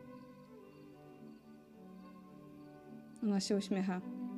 Wtedy wszystko u pana wróci do normy.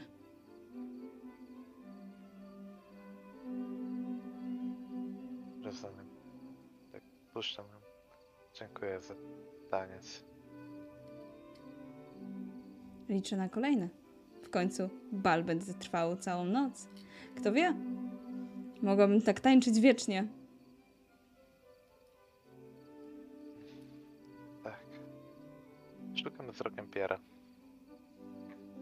Polewa ten szampan. Kolejną już butelkę, którą otwiera. Będę do niego zmierzał. Mhm. Dora, czy jakoś zaczepiasz Arabellę bądź Sir Edmunda? Obserwuję, bo oni oboje zdobywają informacje. I Czy ja mogę sobie próbować coś przypomnieć Dobrze. z tego, co się wydarzyło? Mhm. E, może rzućmy sobie na okultyzm.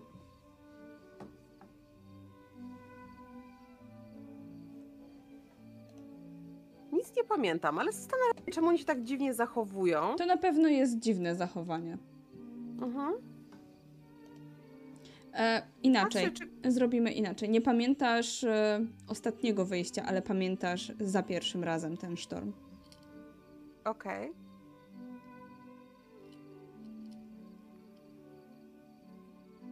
Jak skończą rozmowę Arabella albo Edmund, to które podejdzie pierwsze, to chce się ich dopytać, co się zadziało i dlaczego się tak dziwnie zachowują. I czy ma to jakiś związek z tym sztormem? Załóżmy, że spotkacie się mniej więcej wszyscy równo. Arabella być może idąca gdzieś nieopodal Kotary, jeszcze się zastanawiająca, czy iść, czy nie iść. A Edmund idący w stronę Piera, który niedaleko ma stolik. Ja myślę, że y, rzeczywiście Arabella szła za, y, tak w stronę tej kotary, ale w ostatniej chwili parę kroków przed jeszcze się zatrzymała, spojrzała w kierunku pani Dory i idzie rzeczywiście ewidentnie już w jej stronę. I Mhm. słyszysz jeszcze, jak e, obok ciebie przechodzi pewna postać, i słyszysz po chwili głos Lukasa: Będę czekał. I z takich półprzymkniętych powiek spogląda na ciebie i idzie w stronę tej kotary, niknąc za nią.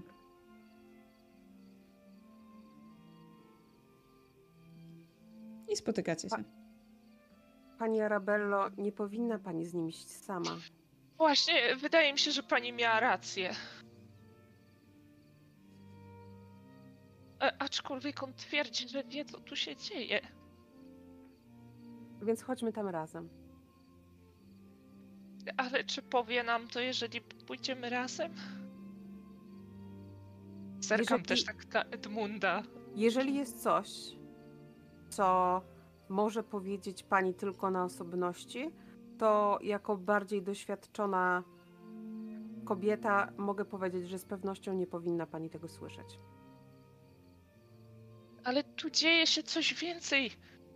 To, to, Tak, zdecydowanie dzieje się coś więcej i musimy dowiedzieć się co. Ale to nie znaczy, że panienka może pozwolić się skompromitować. ale może warto zaryzykować. Proszę mi uwierzyć, nie warto.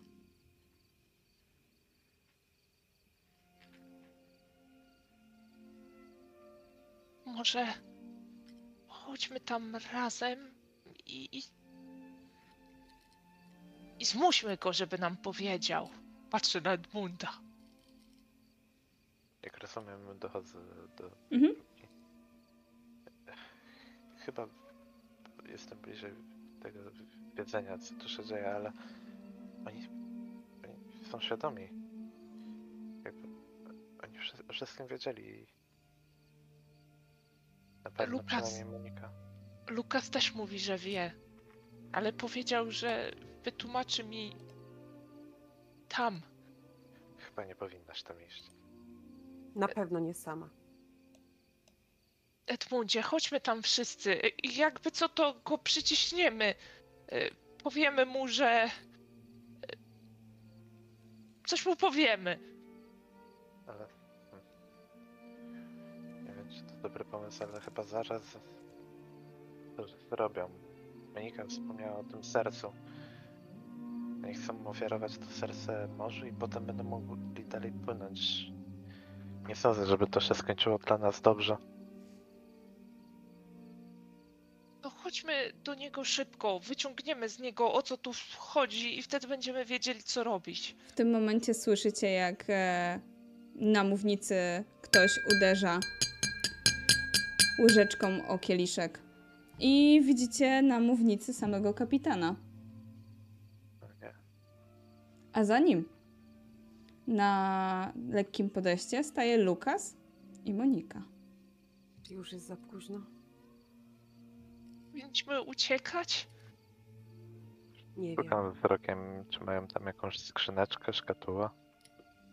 Mają czerwoną poduszkę, na której zdecydowanie coś leży.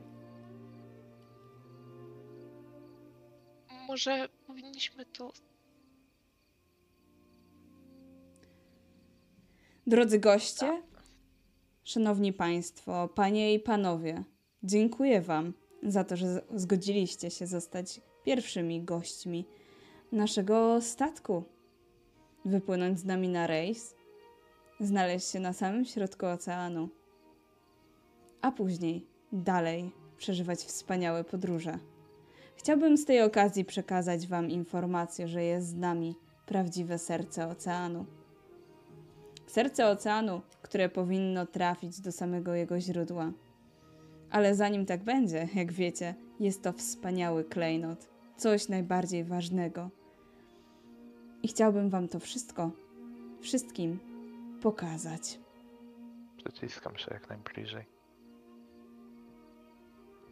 I kiedy mężczyzna odwraca się do swoich dzieci, które trzymają poduszkę, widzicie kątem oka, jak e, podnosi coś z tego. I jest to zdecydowanie naszyjnik. Naszyjnik, który ma piękny, błękitny kolor. I zdaje się, jakby, jakby odbijały się w nim wszystkie światła, które są wokół rozpalone. Wygląda tak, jakby w nim odbijały się różne fale, fale, które znajdują się na zewnątrz. Wygląda, jakby był esencją oceanu. I wydaje Wam się, że nie możecie oderwać wzroku od tego klejnotu. Jest naprawdę przepiękny.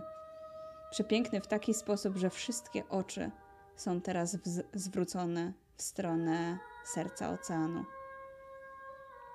i wszystkie oczy patrzą w tym kierunku, a wszystkie usta szepczą delikatnie jakieś słowa, których treści nie jesteście w stanie zrozumieć.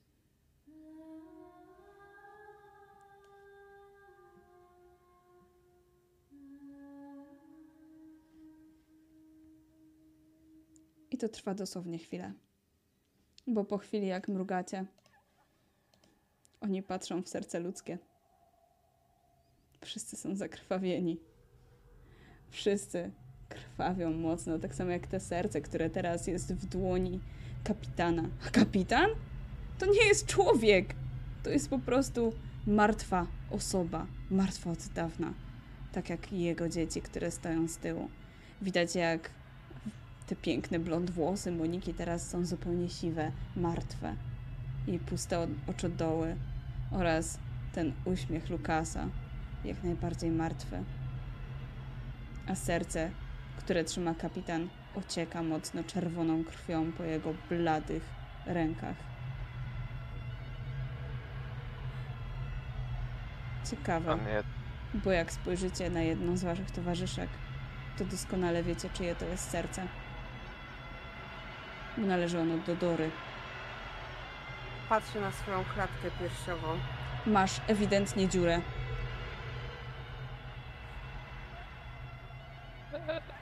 Próbuję zasłonić się chustą, szalem. Jakby największym problemem było to, że ktoś zauważy. Ale nikt nie patrzy, bo wszyscy cały czas mówią jakieś słowa w niezrozumiałym dla was języku. Powtarzają to jak mantrę. A kapitan robi pierwszy krok. e, czy kapitan to trzyma tak na wyciągniętej dłoni? On to trzyma tak bardziej nad sobą, na obu dłoniach. Delikatnie nad swoją głową. Chcę do niego podbiec, chcę wyrwać to serce. Dobrze. W takim razie myślę, że tutaj rzućmy sobie na siłę. Was zaś poproszę o rzut na poczytalność. Myślę, że nie jestem w stanie, że w momencie, w którym próbuję zerwać się do biegu, to nie mam serca, które mogłoby pompować krew do moich mięśni.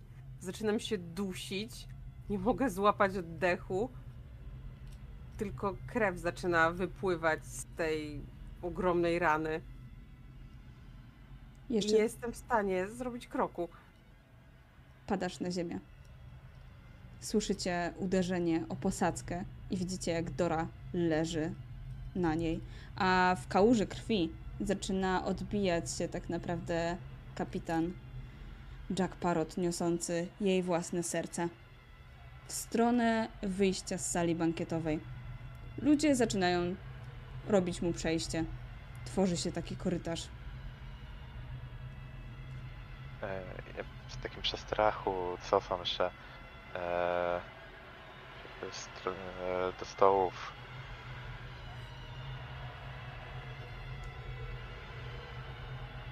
A ja myślę, że robię coś e, wbrew pozorom totalnie e, racjonalnego.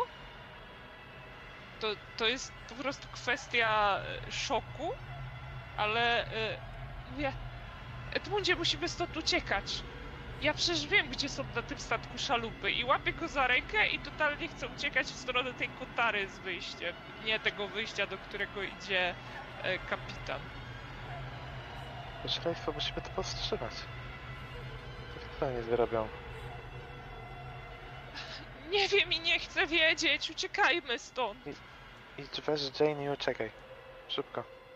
Jane jest jedną z tych osób, która mówi e, te dziwne słowa jak mantrę. Nie mówię właśnie, żeby odciągnęła ją. No rzeczywiście, idę w, w stronę Jane, y, próbując tak trochę wtopić się w ten szalony tłum. Być może sama wypowiadam te słowa, żeby udawać, y, że jestem z nimi, co... Chociaż może Edmund nie jesteś pewien, może mnie też już to dopadło. Ja myślę, że patrząc na Twoją poczytalność, po chwili zaczynasz pochwytywać tak naprawdę słowa tej dziwnej mantry. Ja potem jak cofnąłem się w tym przestrachu, bym chciał z, e, złapać jakąś e, flaszkę rumu i pójść za nim, bo on rozumiem wychodzi poza salę. Tak, e, a towarzyszą mu jego dzieci.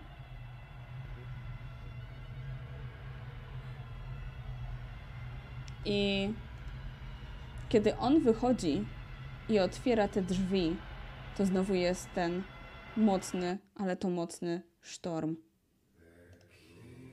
I znowu czujesz obecność tego bytu, ogromnego bytu. I patrząc na Twoją poczytalność, Ty sobie zdajesz sprawę, że to jest coś niesamowicie ogromnego, niesamowicie potężnego. Coś, co jest fascynujące. Coś, co zasługuje tak naprawdę na serce oceanu. O tak, on je dostanie.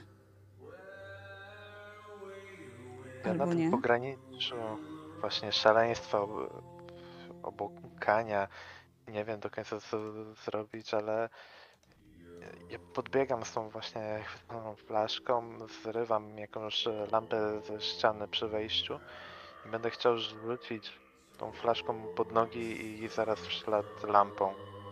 Dobra. Eee, rzućmy sobie może na coś. Mm, No jest też rzucanie niby. dobra, niech będzie rzucanie.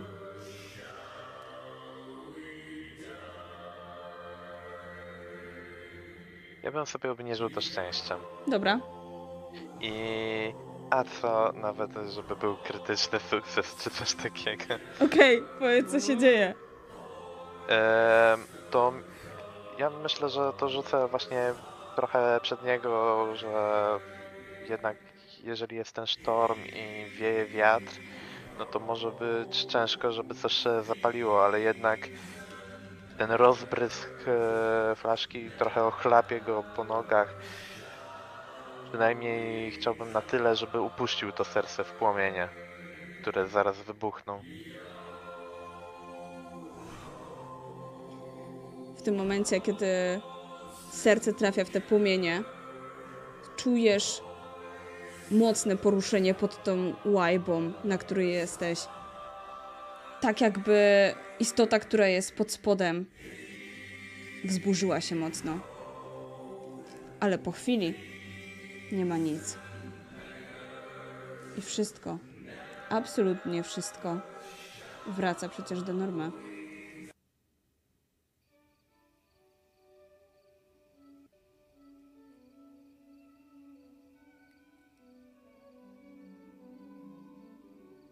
Edmund dyszy ciężko. Ja myślę, że jestem gdzieś już koło Jane. y, Myślę, że łapałam ją za rękę. I nadal jeszcze wyrzuciłam ostatnie dwa razy kawałek tej mantry. Był tu. y, Co? Jane? Arabella, nie tańczyłaś może z kimś?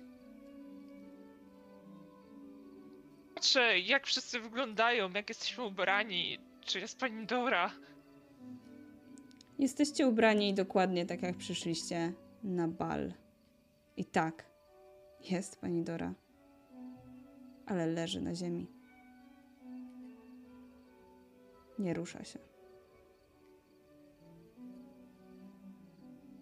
Biegnę do niej. Leży w kałuży krwi. Mocy! Jak jest tu jakiś lekarz? Po chwili masa ludzi zaczyna zbiegać się wokół martwej kobiety. Ale ona przecież już nie ma serca. Ja myślę, że to wygląda y, tak jakby to Arabella, bo ona ją odwróciła tak i y, jakby y, sprawdzała, czy z nią jest wszystko y, w porządku, więc ma całe ręce uwalone w tej krwi, tak klęcząc nad nim, że dosłownie tak trzyma je teraz przed sobą w przerażeniu i wygląda jakby to ona mogła wyrwać jej te serce, tylko że tego serca nigdzie nie ma i ci wszyscy ludzie patrzą na Arabellę też w takim szoku, nie tylko na Dorę. Co tam się właściwie stało? Edmundzie, czy ty wracasz na salę? Ja myślę, że Edmund jest bardzo nieobecny. On tam w końcu wyszedł za nimi na ten sztorm i teraz ich nie ma, jak rozumiem. Czy e, właśnie pod Wiesz co, e, widzisz... E, widzisz jednego trupa. Zachowały się te dziwne bokobrody kapitana.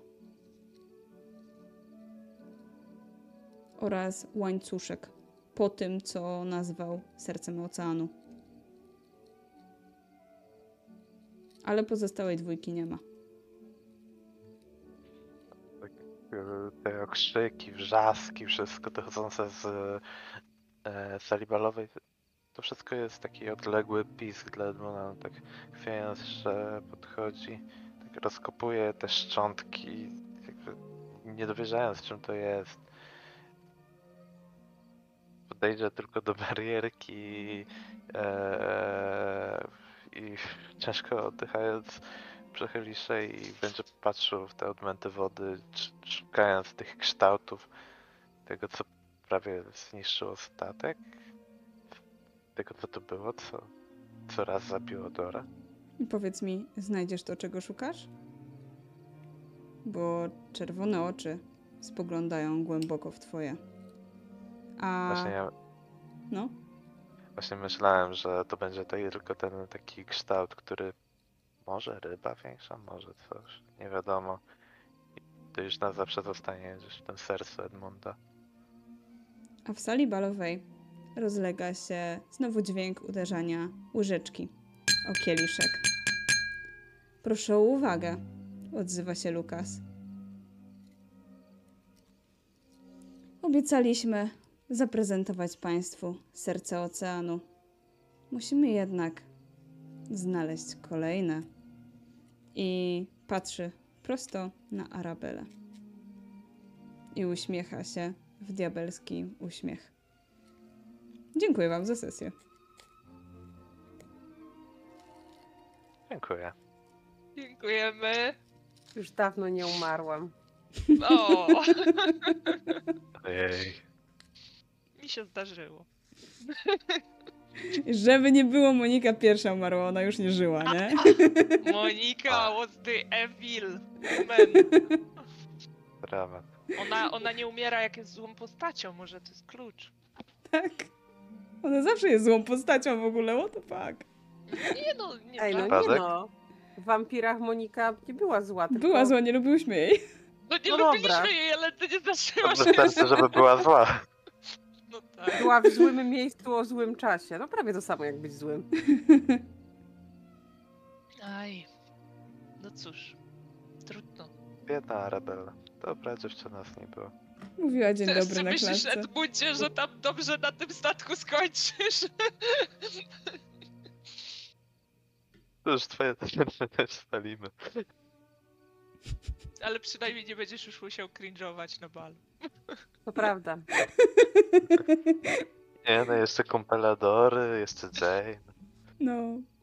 Tylko będą podchodziły takie zombie do ciebie, nie? I tak blary, blary, blary, blary, kawalerze. A zorientowaliście się, dlaczego tylko wy widzieliście, nie? Bo tylko wy rozmawialiście i z kapitanem, i z Lukasem, i z Moniką. Ja potem skumałam ten schemat, Mhm. że były te trzy osoby i one z nami gadały i jakby...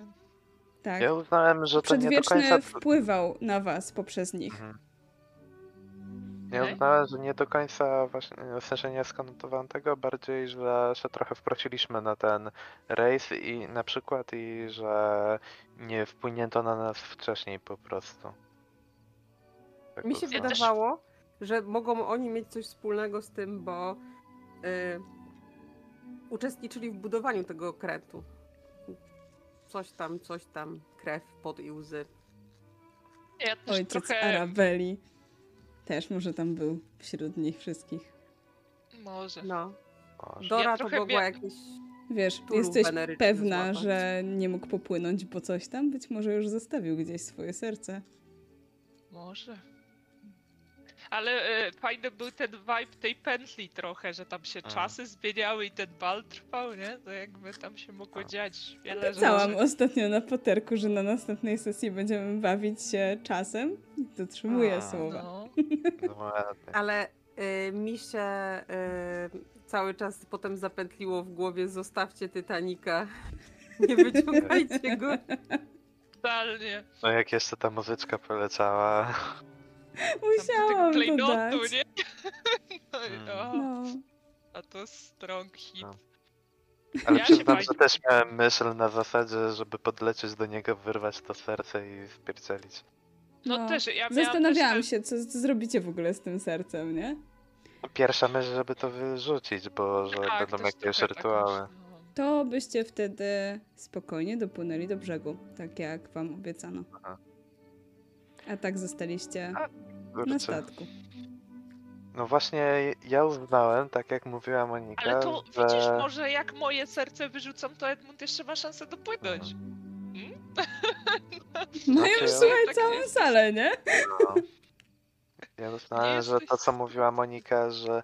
Bo ona tam w pewnym momencie mówiła, że już zawsze będziemy mogli tańczyć, czyli że już wieczna się- pętla. Ja się bałam też, że jak to serce oddamy do oceanu, to będzie właśnie taka pętla, że wpadniemy w ten wieczny bal. Zresztą do, dopełnianie złowieszczych rytuałów zazwyczaj nie kończy się zbyt dobrze. Tylko w przypadku takich to nigdy nie wiadomo co je dopełni. No nigdy nie wiadomo. Bo to pierwsza myśl, żeby to wyrzucić, czy po prostu, no to by właśnie dopełniła, tak? Tak, dokładnie trzeba zapłacić my to przedwiecznym, nie?